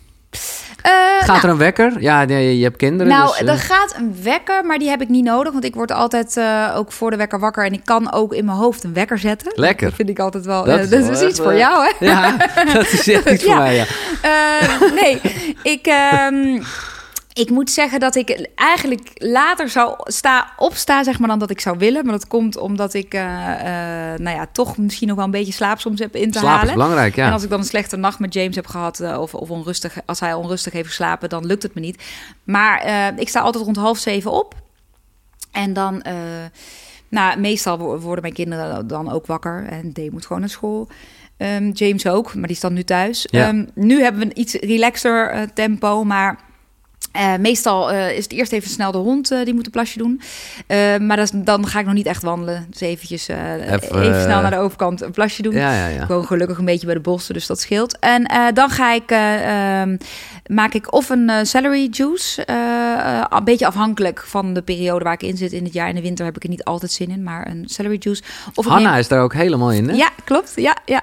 Jezus, joh. Ja, dan begint eigenlijk mijn ochtend. Dus dan lees ik mijn krantje um, en dan is het kinderen aankleden ja. of een kind, want D kleedt zichzelf Nee, natuurlijk ja. aan met 16. en dan, um, ja, dan, dan begint eigenlijk mijn dag en dan ga ik eigenlijk als, als James naar school gaat, dan uh, ga ik wandelen met de ja, hond. oké. En dan daarna begint eigenlijk echt mijn dag. En is dat wandelen dan ook zeg maar je meditatiemomentje? Of, uh, zo maar Soms, te zeggen? ja, Of- dus ik luister ook wel vaak een podcast. Maar Ja. ik merk dat ik eigenlijk het beste ontspan als ik niets doe. Ja, ik ben ook heel vaak aan het bellen. En Ja. dat irriteert mezelf eigenlijk dan ook weer. Maar soms moet ik gewoon wat dingetjes Tuurlijk, regelen. Maar ik, eh, dan, dan moet ik zeggen dat ik in de middag nog een keertje ga. Om dan even wel zonder Echt telefoon. Ja, dus dan, dan eh, begint mijn dag. En dan, ik ontbijt dan meestal zo eh, net voor mijn wandeling of daarna. En dat is ook een beetje wat jij doet. Hè? Wat ik hier zie is een, een eiwitshake Ja. Met groenten en, eh, en, en wat superfoods en dingetjes erin. En, Maar dus niet echt, eh, tenminste, de, niet echt eh, intermittent fasting dus. Jawel, want ik ontbijt dan... Nou ja, ik heb dan mijn momentje met mijn supplementen. ja, ja. Die moeten op nuchtere maag. Is collageen, dat is voor de huid. Ik ben natuurlijk een vrouw, dus we zijn daar natuurlijk hè, als vrouwen... Is collageen, jij kent het niet, of althans ik ken het van naam, maar is dat iets, Nou, dat is- dat- raad je het mij aan? Collageen, ik zou het iedereen aanraden, want het is ook heel goed voor je darmen. Eigenlijk om de darmwand te helen. Maar het is sowieso lekker voor je het huid, heet gewoon je Ik ga Nou, naar... je hebt, van al, je hebt verschillende Oh. collageen. Je hebt viscollageen, je hebt eh, van runder, je hebt... eh, Oh. Dus, dus ehm, en ik, ik, ik, ik eh, Ga je ook je eigen collageenlijn? Misschien, misschien. oké. Dat, dat is wel een vraag die heel veel gesteld wordt, Ja. inderdaad. Ehm, en dan doe ik vaak nog, nog wat, wat, wat supplementen bij die dan bijvoorbeeld op nuchtere maag echt moeten. En dan, dus dan heb ik eigenlijk, ik eet, om, of ik eet in de avond rond een uurtje of zeven. En dan eet ik eigenlijk niet Oh, meer ja. tot 7, 8 uur. Maar ik moet niet veel langer dan 14, 15 uur niet eten. Nee. En daar ben ik ook heel streng in, zeg maar, de mensen die bij mij. eh, die, probeer niet, omdat iedereen zegt je moet 16 uur Nee, vasten precies. dat ook te doen. Want als je maar 12 uur doet, dan ben ik al heel blij. Hè? Er zijn al heel veel mensen die kunnen dat niet eens, want die moeten altijd s'avonds om 10 uur nog wat Ja. eten. Hè? Dus, dus als je dat al kan, heb je al heel veel gewonnen voor je gezondheid. Heeft je lichaam de tijd om te herstellen en te reinigen. En als je 13, 14 uur van kan maken, vind ik het eigenlijk wel de max. Want heel veel vrouwen, op het moment dat je te lang vast, dan kan het lichaam ook weer een soort stressreactie gaan Ja, krijgen. ja, ja, oké. En dan word je eigenlijk weer een beetje hyper en naar ervan. En dan ga je hormonaal weer uit balans. Dus dat wil je niet. Nee. En eh, wat ik even niet hoor, eh, eh, is koud douchen. Doe je, ben je er niet van? Sorry, ja, nee, sorry. Dat, Oh, ja, ja. nee, dat, ik was nog bij mijn eetritueel. Oké, ja, ja, ja. Nee, ik ga dan douchen en ik douche koud af. Oh ja, oud, precies. Ik ga niet alleen maar niet. koud Nee, douchen. Dat, dat lukt me echt Nee, niet. ik heb toevallig, omdat ik het hier veel over heb, dacht ik, oké, ik ga het weer een keer doen. Beginnen met koud, ja, ik, ik, ik, ja, maar dat gaat, ik, gewoon, dan vind ik het echt aan relaxed Ja. ook. En dan denk ik, ja, hoezo, ik ga me echt niet nu zeepen, ik ga gewoon, eh, Ja. nee, oké. Nee, ik, maar ik vind, het, ik, ik vind het zo lekker koud douchen. Er zijn wel dagen even dat ik het wel even niet kan. Bijvoorbeeld als je zo in je cyclus zit en je zit even zo'n zo twee, drie dagen dat je denkt, oh, pff, nu even niks, weet je Mhm. wel. Dan, maar ik knap er altijd van op. Het is echt, eh, ja. En heb je ook een avondroutine? Ehm, heb ik? Ik, in de avond eh, doe ik wel vaak een, een, een, een, zo'n prayer. Ja, Eh, en ik doe eh, heel vaak nog wel iets van een podcast. Of ik vind Netflix heerlijk, maar ik merk al wel dat ik op een gegeven moment dan denk: ah, ik wil weer iets leren. Ik wil weer Ja, iets, ja, ja. iets waar mijn brein ook echt. eh, Snap ik, dat ken Hè? ik ook wel heel erg, ja. ja. ook omdat je voor je het weet zit je weer in een serie. Ja. En dan zit je weer vijf dagen achter Ja. elkaar die hele serie te kijken. Nou, vind ik af en toe heerlijk. Dus daar geef ik me ook af en toe aan over. Maar ik probeer eigenlijk wel steeds vaker... Ik vind lezen lekker, maar omdat ik heb het afgelopen jaar... Mijn, mijn nieuwe boek, wat in april komt, afgerond. Ik heb zoveel achter de computer gezeten en ook een online programma gemaakt, veel teksten erbij. Ik, ik merk dat ik dan, als ik echt moet gaan lezen, dat ik daar dan, eh, dat ik dan liever een podcast ja, luister. Ja, snap ik, ja. Op Ja, dit kan moment. ook, eh, ik, eh, ik ga eventjes Storytel benoemen. Dat is ook waanzinnig. Ja, Dan- precies. Maar ik merk dus dat ik dat, ik dat dan ne- net wat ontspannender Ja. vind. Maar ik lees wel, maar ik lees dan stukjes. En, eh, eh, en ik probeer dan inderdaad te mediteren. Die Joe Dispenza meditatie probeer ik voor het slapen gaan te doen. Maar meestal val ik halverwege al in Ja, slaap. dat is Maar, toch dat is toch heerlijk, Ja. ja. En wat is eh, de essentie van je nieuwe boek? En dat heet eh, Help, ik val niet af. Dus het is echt voor vrouwen die, eh, die vastlopen en denken... ja, ik doe toch alles goed en ik Ja. sport me helemaal suf en ik eet goed. En waarom val ik niet af? En dan blijkt de stress bijvoorbeeld Nou, er zijn in, in mij zijn veel meer factoren, maar Oké, in, ja. in zijn, zijn tien eh, eh, oorzaken die we bespreken, die eigenlijk zeg vanuit mijn oogpunt het meest voor de hand liggende. Weet je ze alle tien? Nou, dat is dus je insuline, hè, je suiker. Ja. de, het, het, gaat- het gaat dus met name om hormonen. Hè? Dus insuline, cortisol, het stresshormoon, leptine, dus je verzadigingshormoon. Hebben we melatonine, slaap. Eh, We hebben oestrogenen, dus eh, de vrouwelijke hormonen. Ehm, dan moet ik even denken. Te- testosteron zitten we op zes. En wat heb ik dan nog? Wat sla ik nu nog over? Oh ja, schildklierhormoon. Dus de zeven hormonen. En dan nog drie andere oorzaken die ook kunnen meespelen. Nou, En, en eh, nou, dat is dus onder andere dus de, de kracht van je gedachten, Ja. je emoties en Ja. zo. Dat, ja, dat speelt allemaal zeker mee. Ja, super interessant. En dus ook wel voor mannen als ik het zo hoor. Want, absoluut, eh, absoluut. Het is natuurlijk, ja, de- vrouwen is natuurlijk wel mijn doelgroep, Ja. maar mannen gaan, eh, gaan, Gaan ook baat bij, baat bij hebben. Ja, dat brengt me bij de vragen. Ik, eh, ik ga gewoon keuzes maken. Debbie die, die stelt de vraag in de ochtend altijd veel motivatie. Maar de- in de avond is die motivatie zo goed als weg. Ja, Ik weet eigenlijk niet wat de vraag is, maar het Nee. is meer een statement. Maakt niet uit. Eh, ik maak er wel een verhaal van. Eh, nou ja, dat, je ziet dat, dat dat is ook weer wat, wat hormonen doen. Hè? Eh, Schildklierhormoon, eh, cortisol, wat in de ochtend gewoon... Cortisol behoort in de ochtend hoog te zijn. Ja, Dat maakt ons ook wakker. Hè? Dus mensen die veel snoezen en moeilijk vinden om wakker te worden... die zou ik ook echt aanraden. Word gewoon wakker met het daglicht ook. Ja. weet je? Of, of koop zo'n lamp in de winter. ja. Want dat zorgt dan weer voor je, dat noemen ze CAR, dus de Cortisol Awakening Response. Dan wordt eigenlijk je cortisol aangezet. En dat is heel belangrijk om je in de ochtend eh, fit te doen voelen. En dat als mensen bijvoorbeeld een burn-out hebben gehad of, of, of, of gewoon ja, een stressvolle situatie, dan zie je vaak dat ze einde van de dag, zo rond een uurtje 4, 5, eigenlijk al geen energie meer hebben. En daar, daarin zie je vaak dat, dat als je dan die cortisol gaat meten met een speeksel, speekseltest, dat die cortisol al bijna zo rond dat slaapniveau zit. Ja, ja. En, en, en dat betekent dus eigenlijk dat je meer aandacht mag besteden echt aan die bijnieren. Dus dat je die bijnieren goed mag voeden met, met bottenbouillon, eh, genoeg vetten eten, eh, eh, weinig suikers. Ja. Als jij zegt bottenbouillon, dan... jij bent dus niet echt van de vegan, begrijp ik. Nee, en het liefst zou ik dat wel zijn, zeg ik heel eerlijk. Vanuit een milieuoverweging en ik ben ja, ja. een mega dierenvriend. Ja, Maar uit hor- hormonaal oogpunt niet. Ehm, eh, wel als je misschien wat ouder bent, je bent al over die overgang heen, of je bent herstellende van een ernstige ziekte, dan zou ik je wel aanraden om een tijd lang vegan te leven. Maar eh we hebben eigenlijk wel, wel die, die, die eiwitten, die dierlijke eiwitten nodig. Je zie, ik zie gewoon uit ervaring blijkt gewoon dat veel vrouwen die bij mij zijn geweest en dan twee, drie jaar eh, eh, helemaal vegan zijn geweest. Of geen menstruatie meer hebben. Nee. Of eh, heel veel klachten hebben. Met vooral dus zeg maar depressieklachten. Of zich nou, eh, niet meer e- energiek voelen. En niet allemaal. Hè. Er zijn vrouwen die gaan geweldig erop. Ja. Dus is helemaal geen... ik wil net eh, zeggen, want jouw inbox gaat nu weer volstromen met mensen die dit... Nee, helemaal eh, niet. Want ik ben ook totaal niet tegen. Nee, nee, en daarin is voor mij precies wat we in het begin ook zeiden. Blijf goed luisteren naar je eigen Ja. lichaam. Ja. Als het voor jou werkt, fantastisch. Voor mij werkt het niet. Want ik voel dat ik mijn cyclus raakt verstoord. Ja, ik, ik merk dan dat ik er minder blij van word. Je eet over het algemeen vrij veel koolhydraten.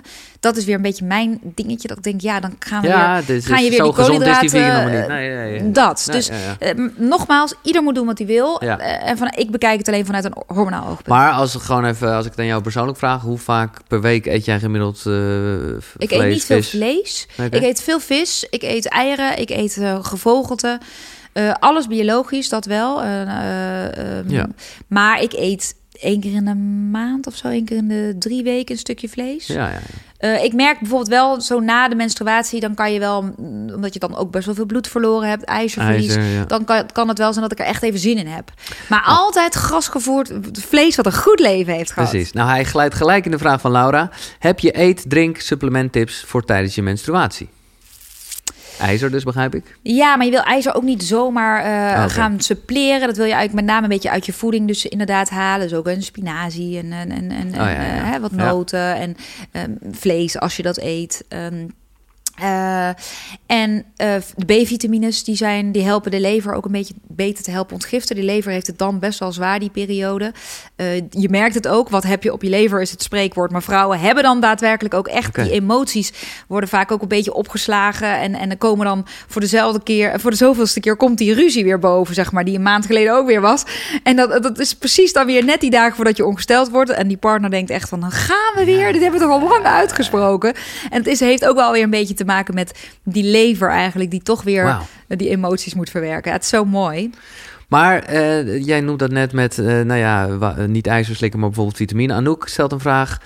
eh, en ja, ik, ik weet dat jij eh, juist heel erg bezig bent met eigen supplementen en zo. Maar Anouk vraagt zich af, is suppleren altijd nodig? Nee hoor. Nee. Dus als je een perfect voedingspatroon zou hebben, zouden we dan toch nog iets missen? Ik zou.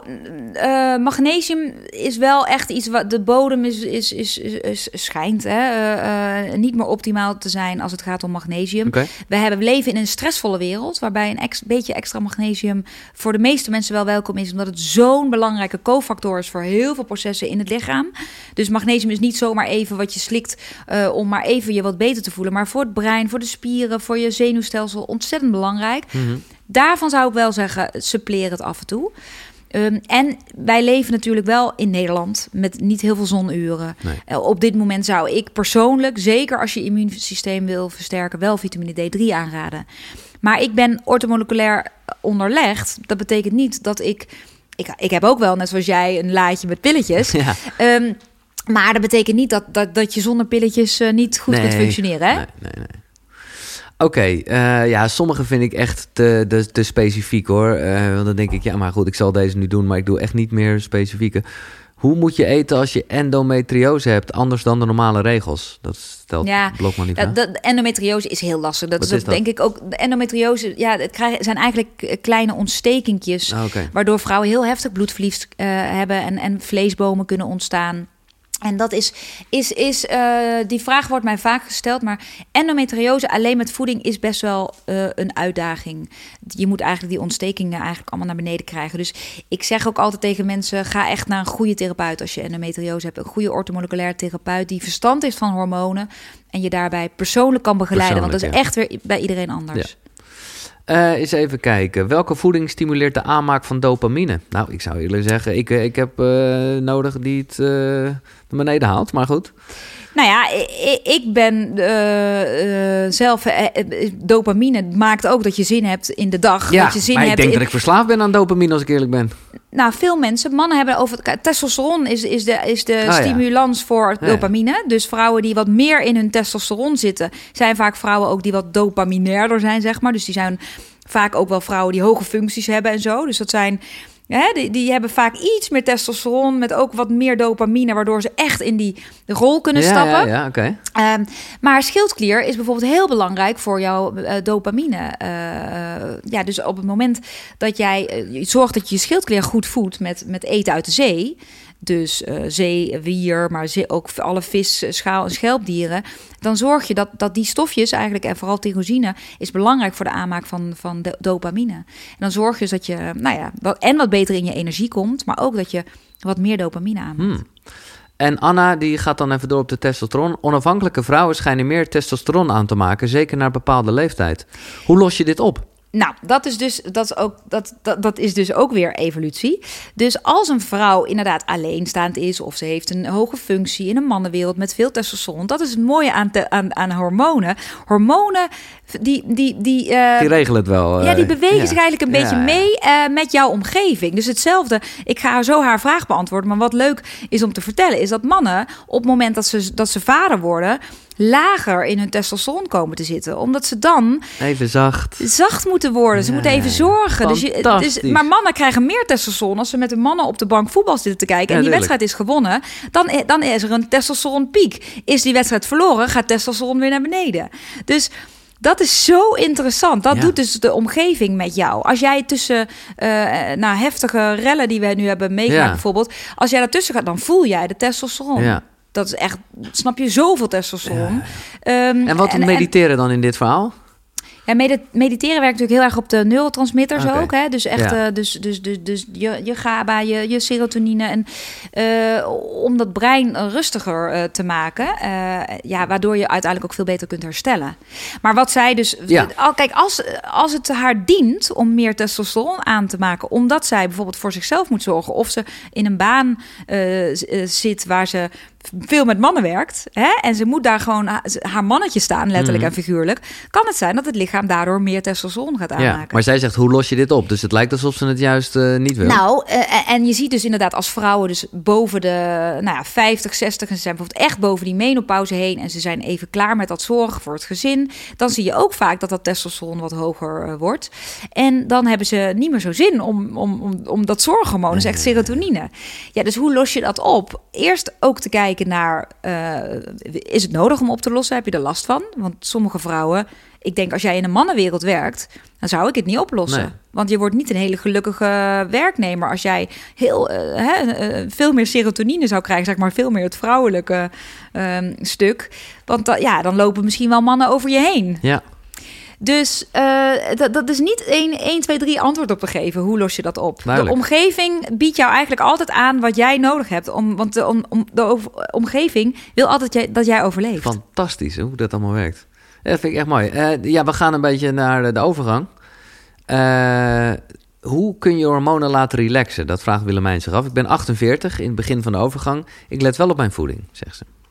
Maar Ja. je hormonen laten relaxen. Ja, dat, kan, ja dat, dat, dat is bijna ook onmogelijk. Ja. Eh, in die zin, als, ze, als zij het over relax heeft, dan, dan lees ik daaruit dat ze misschien toch wel stress. eh, eh, hè, dat, dat, cortisol dan misschien het grootste probleem is. Ehm, ja, daar hebben wij het natuurlijk al over gehad. Hè? Ja. Probeer te mediteren, te wandelen, iets te lezen, te koken, net wat je lekker vindt. En met voeding, probeer de, de, de stressvoeding, zoals veel suikers, alcohol, te veel koffie, veel granen. Eh, dat kan voor het lichaam stress veroorzaken. Probeer dat weg te nemen. Ja. En hoe, eh, vraag ik me even af, hoe zit dat dan met de suikervervangers? Hè? Dus, dus gewoon de stevia's en de weet ik wat allemaal. Eh, Is dat dan ook, hè, want nu koppel jij suiker een beetje aan stress. ja, veroorzaakt stevia of dat soort shit dat ook? Ja, kijk, het, het, is een, het brein denkt eigenlijk niet Daarom. dat hij dat hij krijgt waar hij waar die hoopt dat hij op krijgt. Dat krijgt Ik merk maar. echt, ik ben echt blij dat ik gestopt ben met cola zero drinken. Ja. Omdat ik echt merk dat ik daardoor, nou ja, ook wel even een soort, in eerste instantie mis hoor, maar er daar nu wel veel meer een soort rust is gekomen. Terwijl ja, in zero zit feitelijk gezien geen suiker, maar mijn lichaam dacht natuurlijk Ja. wel. Ja, je verzadiging eh, treedt niet op. Nee, Dus je hebt altijd weer zin in meer. Dus eh, nee, ik ben niet zo voorstander van. Nee. Nee. En, eh, en een beetje stevia in je koffie of zo is helemaal niet zo heel erg. Maar ik zou niet, eh, nee, ik zou niet alles vervangen door zoetstoffen. het is jammer, ik kwam dat nog tegen toen ik gewoon een beetje in jou ging duiken.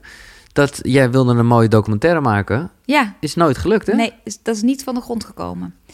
Daar zijn we ook best wel in tegengewerkt, helaas. Dus Door, door de Eh, industrie, om het zo nou, maar te nee, zeggen? dat weet ik, dat Oh. weet ik niet. Maar wel in, in, in toch mensen die er geen belang bij, of, of Ja, mensen ja. niet, maar wel dat mensen, eh, organisaties waar we mee praten, die hadden zoiets van geweldig en uiteindelijk toch niet, want toch een, een te gevaarlijk eh, stuk misschien om je op te begeven. Ehm, Maar is het nog een ambitie of heb je het... nee, ik heb het. Ik denk.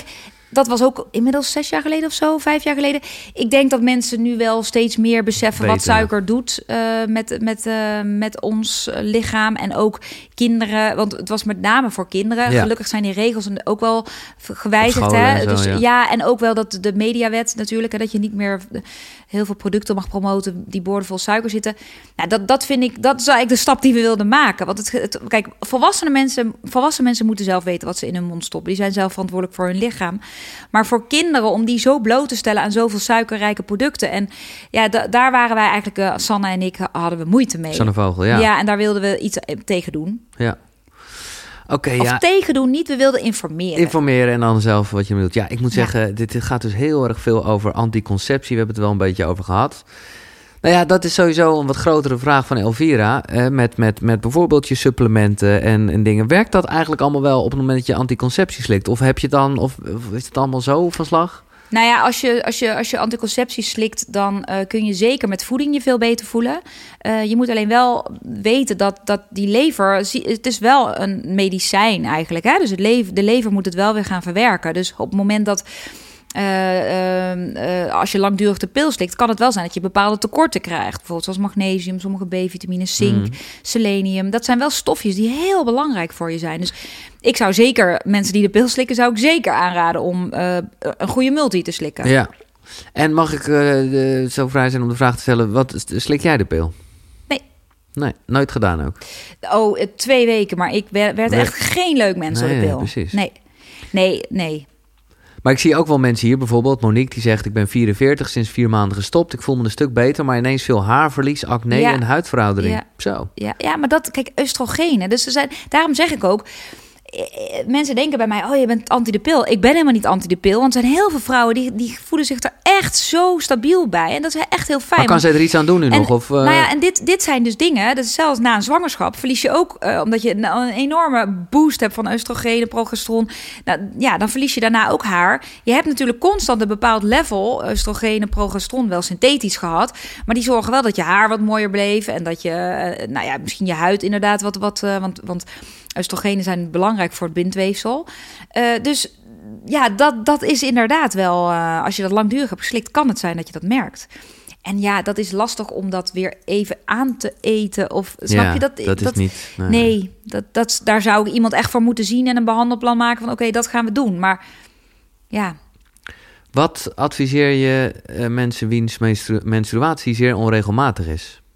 Nou, als je een onregelmatige menstruatie hebt, betekent dus dat er ergens een disbalans is. Dus dan zou je toch echt willen ontdekken, wat, wat, wat gebeurt er? Uh, eet ik te veel suikers? Drink ik te veel koffie? Uh, put ik mezelf uit op wat voor manier dan ook? Uh, doe ik het werk of dingen die ik niet leuk vind? Um, je leeft, heb ik te veel kunstlicht? Kijk ik de hele dag op mijn, op mijn mobiel en s'avonds nog tot 11 uur, 12 uur s'avonds? Ja, um, dat, dat haalt jou uit, uit balans. En dan kan het zijn dat je daardoor een verstoorde cyclus hebt. En, dus ik zou die mensen echt aanraden om Herstel je hormonen te lezen. Ja, Want da daar, daar zijn al zoveel vrouwen uh, hebben daar baat bij gehad om hun cyclus gewoon weer normaal terug te krijgen. Nienke, hoi Vivian, mijn libido is nooit hoog bij de eiers, ijsprong, maar juist als ik ongesteld ben. Kan je uitleggen waardoor dat komt? Ja, dat, dat hebben sommige vrouwen ook. Uh, rondom die menstruatie. Ook dat die doorbloeding die, uh, in de baarmoeder soms al wat beter is. Um, dat is niet echt zomaar te verklaren, want uh, evolutionair uh, gezien is het, is het die piek, zeg maar testosteronpiek, die zorgt voor vrouwen dat we een, een hoger libido krijgen. Dus um, ja, vanuit evolutionair oogpunt natuurlijk om voor te planten. Ja, ja, ja. Dus dat, dat, dat, ja, dat, dat is eigenlijk de meest natuurlijke gang van zaken. Maar er zijn ook vrouwen die hebben het die hebben op een ander moment. Maar jij weet dus precies, uh, en misschien zijn er meer vrouwen die het weten. Voor mij is het een soort uh, nieuwe wereld. Jij weet dus precies waar je zit in de, in de maand. Ja, ja. Daarom heb ik toen ook een cyclusplanner gemaakt. Omdat ja. voor vrouwen heel lekker is. Ik ben zelf niet zo van de apps. Dus, uh, dus ik vind het lekker om dat bij te houden. Om gewoon te schrijven nog. Een beetje ouderwets misschien. Maar ja. om gewoon echt bij te schrijven van... Oké, dit is... Nu zit ik op die dag en zo voel ik me. Dat doe je niet elke dag. Maar daardoor, als je dat een tijdje zou doen, krijg je echt wel inzicht in. Oh, en verklaart het ook waarom je even zo oh, voelt. nu voel ik me, daarom voel ik me die dagen zo goed. En heb ik echt zin om te sporten en, en die dagen minder goed. En waar zit je nu tijdens de opname? Welke... Oh, ik, uh, ik zit nu bijna voor mijn ijsprong. Dus dit is communicatief voor mij de beste dit is periode. De beste, nee, ik dacht het al te ruiken hoor, maar ik denk... Uh, nee. Um, heel veel over overgang dus toch nog. Um, ik noem even wat vragen en dan, het gaat met name over ja, de Karin bijvoorbeeld, de cyclus is nu wat langer. Wat is het dat je me kan aanraden om de overgang goed in te gaan? Simone, hoe zit het met de hormonen op een leeftijd van 50? Of wel de overgang in de combinatie met de juiste voeding? Um, eigenlijk is heel erg de. Ja, wat, wat is de link tussen overgang en hormonen? Wat gebeurt er dan eigenlijk? Nou, als je de overgang ingaat, die, die fase kan lang duren. Hè. Er zijn heel veel vrouwen die echt al uh, vanaf hun veertigste al denken... de door hormonaal verandert er iets. Dat kan echt wel tien jaar duren. Ik hoorde in jouw programma, ik vond dat echt uh, schokkend. Want je, je presenteert ook sinds kort een radioprogramma, hartstikke leuk. Ja. Viv Held. Ja. Uh, Viv Held Show. Sorry, Viv, ja. ik, ik, zei het, ik dacht ik mis iets. Ja. dat er 2 miljoen ja, vrouwen dus ja. in de overgang zitten in Nederland. Ja, Ja, nou ja, en, en, en uh, ja, inderdaad. Dus dat betekent wel dat, dat heel veel vrouwen ook echt zoekende zijn. Maar wat Ja. kan mij helpen? Want het is niet een leuke fase. Nee. Uh, maar je kunt wel best wel veel ook zelf doen om die fase wat aangenamer te maken. Van tevoren al? Of tijdens? Nou, sowieso, alle vrouwen, meisjes die kampen met, met al hormonale klachten. Daarom, dat is mijn volgende missie, die jonge meiden al gaan inlichten. Want die jonge meiden hebben ook al veel hormonale klachten. En dat is echt niet nodig. Dat komt echt door leefstijl. Ze eten gewoon. Ik zie het bij mij, mijn Ik puberdochter. zeggen, eh, het is echt een uitdaging voor moeders. Dus het is helemaal geen verwijt naar ouders toe. Want ik ben echt een moeder die erop let. Maar ook mij lukt het niet. Nee. Eh, niet altijd. Maar, weet wat, je? wat, maar, maar dus ja, wel die- met supplementen kan je dat een beetje recht trekken? ja, of, en, eh? en suikers. Kijk, op het moment dat, die, Ja. dat, dat we eten zoveel suikers, zoveel koolhydraten, dat brengt die hormonen uit balans. Nou, als je op jonge meisje, als jonge, jong meisje al heel veel last hebt, dan kan het zijn dat je later ook wel meer last hebt. Ehm, dus die vrouwen die kampen met, met klachten, die, die hebben al wel heel veel winst kunnen die behalen uit, uit voeding. Eh, dus, dus bijvoorbeeld alcohol, dat ze dan in één keer zeggen: ja, ik kan niet meer tegen alcohol, dat klopt. Dus de lever eh, heeft gewoon toch eh, echt wel, eh, ja, die hebben we nodig om een beetje beter te ondersteunen, zeg maar. Ehm, maar ook. ehm, veel vrouwen komen dan wat aan waar ze dan moeite mee hebben. Ze voelen zich sneller gestrest. Nou, die bijnieren, die zijn op dat moment, als jouw hormonen afnemen, want die hormonen nemen af, dat gaat geleidelijk. Maar progesteron neemt bijvoorbeeld al af rond je 35ste. Nou, dat is best wel jong, maar progesteron is een hormoon wat ons wel eh, eh, doet ontspannen, wat ervoor Mhm. zorgt dat we ons lekker eh, gewoon relaxed voelen. Nou, dus een van de eerste symptomen bij heel veel vrouwen die hormonaal uit balans denken te, te voelen, is ik voel me zo prikkelbaar. Ja. Ik voel me niet. Nee, wat, is er ook met me aan de hand? Ik Ja. heb een kort lontje. nou, dat heeft vaak te maken met de daling van progesteron. Nou, later gaat ook oestrogenen, die, gaan, die gaan afnemen. Eh, en, en dat merk je dan vaak in vergeetachtigheid. Dat je nachtzweten, last, hebt van nachtzweten. Dat je je niet meer zo blij voelt. Want oestrogenen zijn heel belangrijk voor de aanmaak van serotonine. Dus dan zie je dus... Dan, en dan worden die klachten allemaal erger en erger. En je wil dus heel lief zijn voor die bijnieren. Want op het moment dat de eierstokken minder... eh, je hebt minder vaak een ijsprong, minder hormonen produceren. De geslachtshormonen, progesteron, oestrogeen. Dan eh, moeten de bijnieren het gaan overnemen. En die bijnieren, die staan nou juist zo onder druk in deze tijd, omdat we zoveel stressklachten ja, hebben. ja, ja, ja.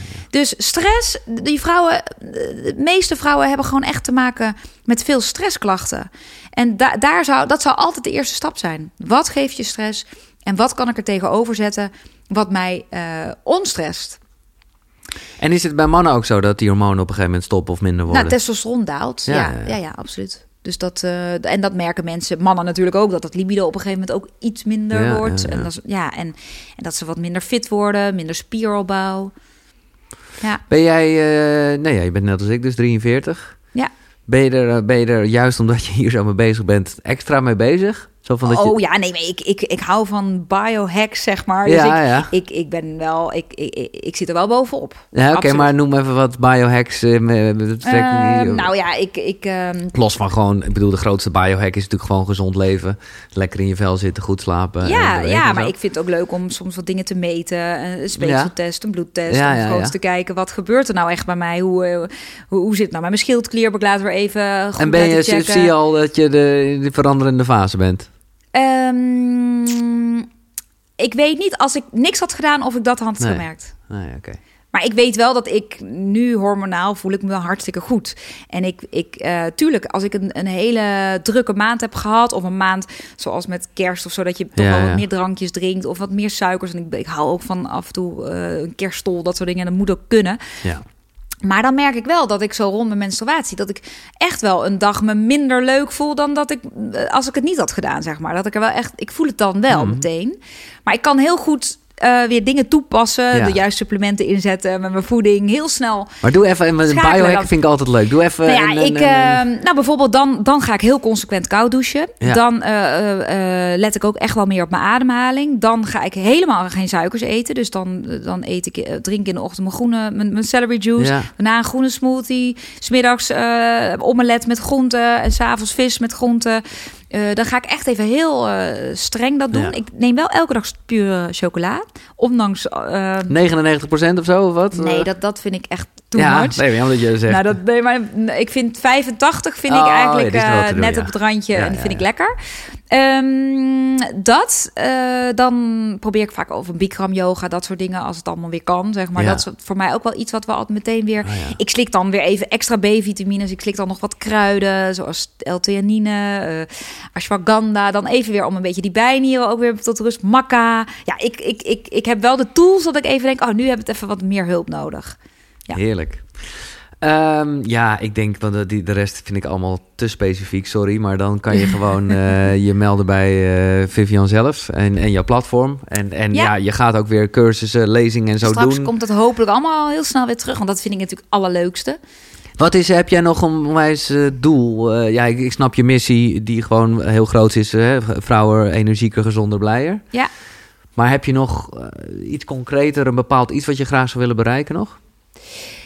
Nou ja, ik, ik wil inderdaad mijn, de, de, de vlek vergroten. Hè? Dat mensen ook echt bewust worden van... oké, we hebben zelf een groot deel van onze hormoonhuishouding in de hand. En niet alles. Hè? Dus eh, we zijn eh, natuurlijk ook... we leven in een maatschappij die gehaast is. We hebben veel milieutoxines waar we niets aan kunnen doen. Eh, Maak je daar ook allemaal niet te druk om. Nee. Want we, we, we kunnen ons niet overal druk Nee, op maken. ben ik blij kan dat je het zegt, want dat heb ik ook wel vaak. En, en ik snap het gevoelige onderwerp van met straling en dingen. Dat ik gewoon denk, ja, ja als ik me Ja, er druk heb- om ga maken, dan is het er. Ja. Ik heb wel een dingetje in, op mijn telefoon voor Ja. de zekerheid. Maar dan denk ik, ja. ik, we kunnen er ook niet helemaal Nee. omheen. Nee. Sommige dingen moeten we toch mee leren leven. Dus het is wel belangrijk om gewoon echt goed voor jezelf te zorgen. Waar jij van oplaat, waar jij blij van wordt. En mijn doel is wel echt om deze... eh, ook, ik merk nu dat er steeds meer Belgische dames bij komen. Ik zou uiteindelijk hoop ik natuurlijk... Daar zijn we wel druk mee bezig om het boek uit te geven in het buitenland. Nice. En dat, dat zou wel... Ik, ja, ik wil gewoon vrouwen en eh, daarmee welk, helpen. welk boek hebben het over? Herstel je hormonen. Herstel je hormonen. Ja, tuurlijk. En misschien in combinatie met dit nieuwe boek wat er aankomt, omdat het echt een mooie follow-up is. Eh, dus dat is wel mijn droom. Ik, ik, ik, ik wil gewoon eh, de berichtjes, nou jij ziet het misschien wel eens Ja. voorbij komen. Daar doe ik het voor. En, En, en, en dat gun ik iedere vrouw. Ja. Dus dat wil je gewoon mee doorzetten. Ja. en, eh, Ja, dus ik wil wel een, een, een- daarin een, ja, is mijn supplementen uiteindelijk echt gaan uitbreiden met nog, eh, daar zijn we nu heel druk mee bezig, met nog meer supplementen echt voor de specifieke vrouwenklachten. Hè? Dus PMS, PCOS, eh schildklierklachten. Zodat het echt een lijn wordt waar eigenlijk vrouwen, als ze op zoek zijn, dat ze denken: oké, we moeten daar zijn, want dan Bam. weet ik precies wat ik moet hebben. En dat, dan komt toch weer dat ondernemen in mij naar boven. Ja. Dat vind ik leuk, maar wel met echt iets wat bijdraagt aan de maatschappij. En hoe wil je herinnerd worden? Oeh. Los van een goede moeder, maar dat zullen James en Dave wel Nou, dat hoop ik. Ja, dat doe ik wel heel erg mijn best voor. Ik vind het wel echt ehm, het mooiste dat me is overkomen eigenlijk, moeder worden. Ehm, ja, ik, ik hoop dat mensen mij zien als een energieke, leuke vrouw, maar die ook echt iets wil meegeven. En dat, ik zie het ook echt. Soms voelt het ook, ik zeg wel eens ook tegen mijn omgeving van, joh, eh, het lijkt bijna als tanken. Zoals ik een boek schrijf, dan denk ik soms wel, huh, heb ik dat geschreven? Ja, ja, ja, ja, precies. Maar echt wel... Het is echt tanken. Ja. Tanken van boven. Alsof iemand daarboven zegt van... joh, ga jij, ga jij het allemaal maar even door. Ja, maar dit is geven. toch fantastisch. Dit is toch, dat, dan ben je toch ook echt in line en connected en of hoe je het ook allemaal wil noemen. Ja, ik, zo voelt het voor mij wel. Dus het trekt ook heel erg aan me. Dus ik soms als ik even denk van... pff, want soms, tuurlijk heb je al af en toe wel eens even... dat je even hormoonmoe bent. Ja. En denkt, ik wil gewoon eh, even McDonald's eten. Toch? Dat hebben we allemaal wel eens. Maar het trekt altijd zo aan mij. Ik heb, dat is denk ik wel wat ik hier te doen heb. Maar hoe vind je het dan? eh, want dit, dit, voelt echt inderdaad eh, heel puur en, en echt als jouw missie. Maar ja, de, de mensen hebben ook zo snel kritiek. Ik zat even te kijken bij bol.com en eh, ging ik dan... Oh, dat doe ik niet eens meer. Nee, dat doe het ook niet, zou ik zeggen. Of althans, nou ja, ik whatever. Maar daar was dan iemand die zegt... nou, de lijst met producten die je niet mag eten is heel erg lang. En eh, de ingrediënten worden vervolgens wel in recepten gebruikt. Ik dacht, ja, het is toch gewoon... het is toch godsmaag geen bijbel? Eh, maar ja, jij kijkt het dus gewoon niet meer. Nee, ik kijk het niet meer, want ik, ik probeer me echt niet te voeden met negativiteit. Nee. Ook omdat ik merk dat ik er zelf daar te gevoelig voor ben. Dus ik kijk het niet meer. En ik denk dan alleen maar aan de, aan de berichtjes die ik elke, bijna elke dag krijg ik wel een berichtje van iemand die een boek heeft gelezen of, of een online training heeft gevolgd of alleen een lezing. Ja, en daar heel veel aan gehad. En daar ben ja. ik al, weet je, ik ben al niet iemand die alleen maar roept van, oh kijk, eh, ehm, dus ik, ik, ik moet het dan echt doorsturen naar de redactie, eh, omdat Ja. zij daar iets mee doen. Want mm, ja, ik vind, maar voor mij persoonlijk heb ik dan al mijn doel bereikt, Ja. weet je wel? Dan, Ja. dat ja, en, en dan denk ik, ja, er zijn altijd mensen die eh, zeuren. Dat hou je altijd. Je kan het nooit voor iedereen goed doen. En, en mijn visie is ook niet heilig. Hè? Dus wat ik net zeg, er zijn heel veel veganisten die knappen ontzettend op. Maar er zijn ook, ja, er zijn ook mensen die moeten een andere kant kiezen om uiteindelijk op te knappen. Dus het is gewoon wat, wat bij je past. En hoe kijk je aan tegen de dood? Um, nou, ik moet wel eerlijk zeggen, de dagen dat ik toen dat gebeurde met mij, uh, heb ik echt elke, uh, elke beweging die uh, was ik heel bewust met, oh, dit had ik anders niet meer gezien. Mm. Oh, ik had nu anders niet meer gezien dat diegene dat kopje koffie zou drinken. En dan word je ook in één keer heel erg op, met je neus op de feiten gedrukt dat het leven ook gewoon doorgaat. Hè? Voor ja. iedereen om je heen. Hè? Die gaat gewoon weer naar de supermarkt, ja. boodschapjes doen. Dus um, dat vond ik een hele rare gewaarwording eigenlijk. Ik ben zelf niet bang voor de dood, maar ik wil echt nog lang niet gaan. Want ik vind het leven nog veel te leuk. En het is natuurlijk, als, als moeder zijnde, is wel nee, echt je, je droom ja. om je kinderen op te zien groeien. Ja. ja. Maar uh, wat, wat geloof je? We hebben het al even gehad over ja, hoe jij dus ik toch wel. Ik geloof, en of dat voor mij nou houvast is, maar ik geloof in energie. Ik, geloof, ik ben gewoon energie en in dit leven ben ik dit lijf. Ja. En uh, in een ander leven kom ik misschien weer terug als een heel ander iemand. Maar dan wel met dezelfde energie? Of dan is wel, die energie... wel dezelfde ziel en de lessen die ik nu heb mogen leren en die ik nog moet leren in dit leven, uh, die hoop ik dat ik ze dan ook geleerd heb. En dan komen er misschien weer andere lessen die ik ja, moet leren. Ja, maar hoe, uh, en we weten het allemaal niet, maar ik vind het nee. gewoon wel leuk om hierover te, te praten.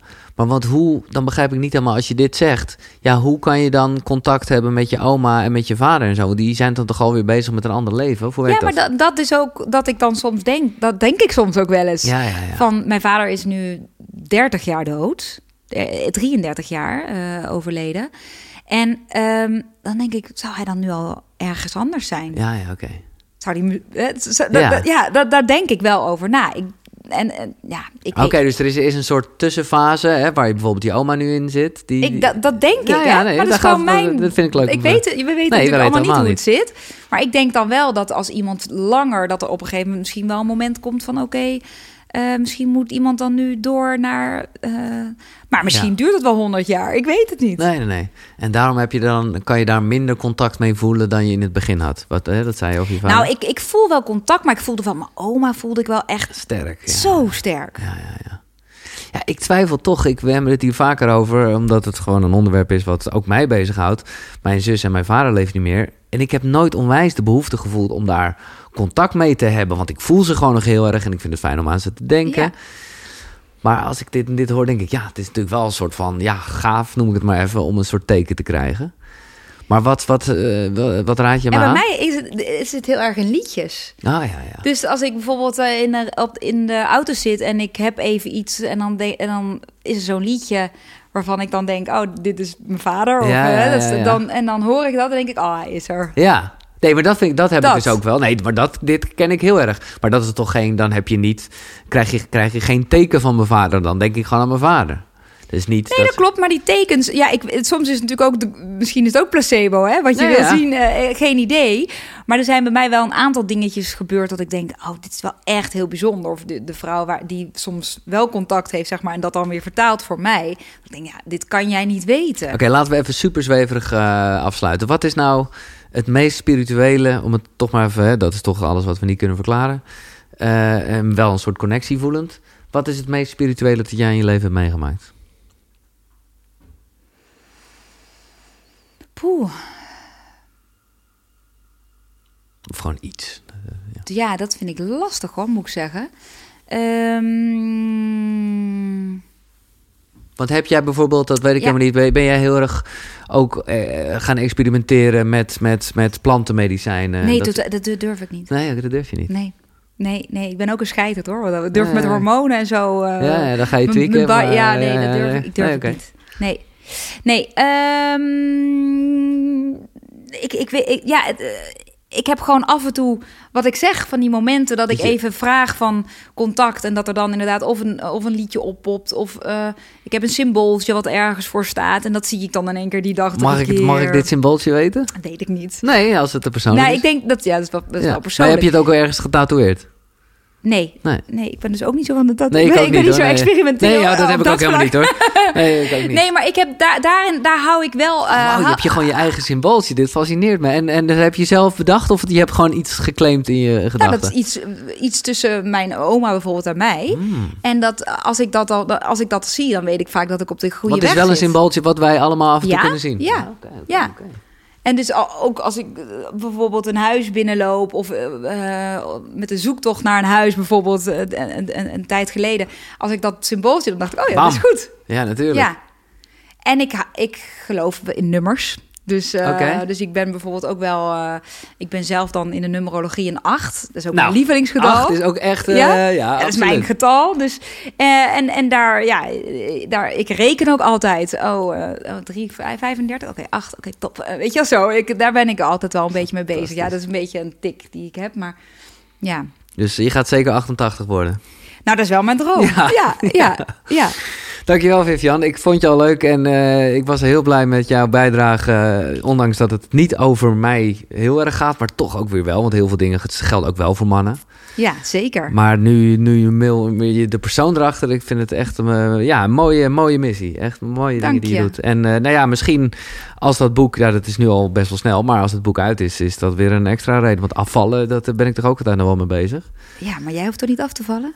Het zit allemaal in je hoofd. Eh, ja, nee, ja, afvallen, nee, ik zou, nee, afvallen hoef ik niet meer, maar mm, nou, ik ben er wel mee bezig altijd. Maar meer spieropbouw. Meer opbouwen. Ja, ja, Want dat, dat is meer wat mannen meestal Ja, willen, dat toch? Die willen vaak niet... eh, Nee, maar goed, eh, omdat je toch even toch, want anders voelt het misschien heel gek. Maar ik ben er wel achter en dat is dus gewoon een beetje, ja, dat is dan toch wel met het ego, hoe je het ook wil zien. Ja, je wil die spieren ook zien. En daarvoor moet je wel degelijk afvallen, ja. Toch? Een beetje vet verliezen. Ja, Ja, dat bedoel ja, ik. Ja, nou, als ik jouw eh, keuken zo zie met al, Dan- al die potjes en poedertjes, lukken. dan moet dat best wel Moet lukken, dat hoor. lukken, ja, ja. Dankjewel, ik hou je Ja. op de hoogte hiervan. Eh, bedankt voor het luisteren. Als je vraag niet aan bod is gekomen, ja, sorry, eh, nogmaals, dan ga je gewoon naar vifonline.nl eh, en wie weet lukt het daar wel. Maar wel heel erg bedankt voor alle vragen. Ik hoop dat je het nou, interessant vond. Ik vond het sowieso interessant. Meer informatie vind je op de website. Dat is www.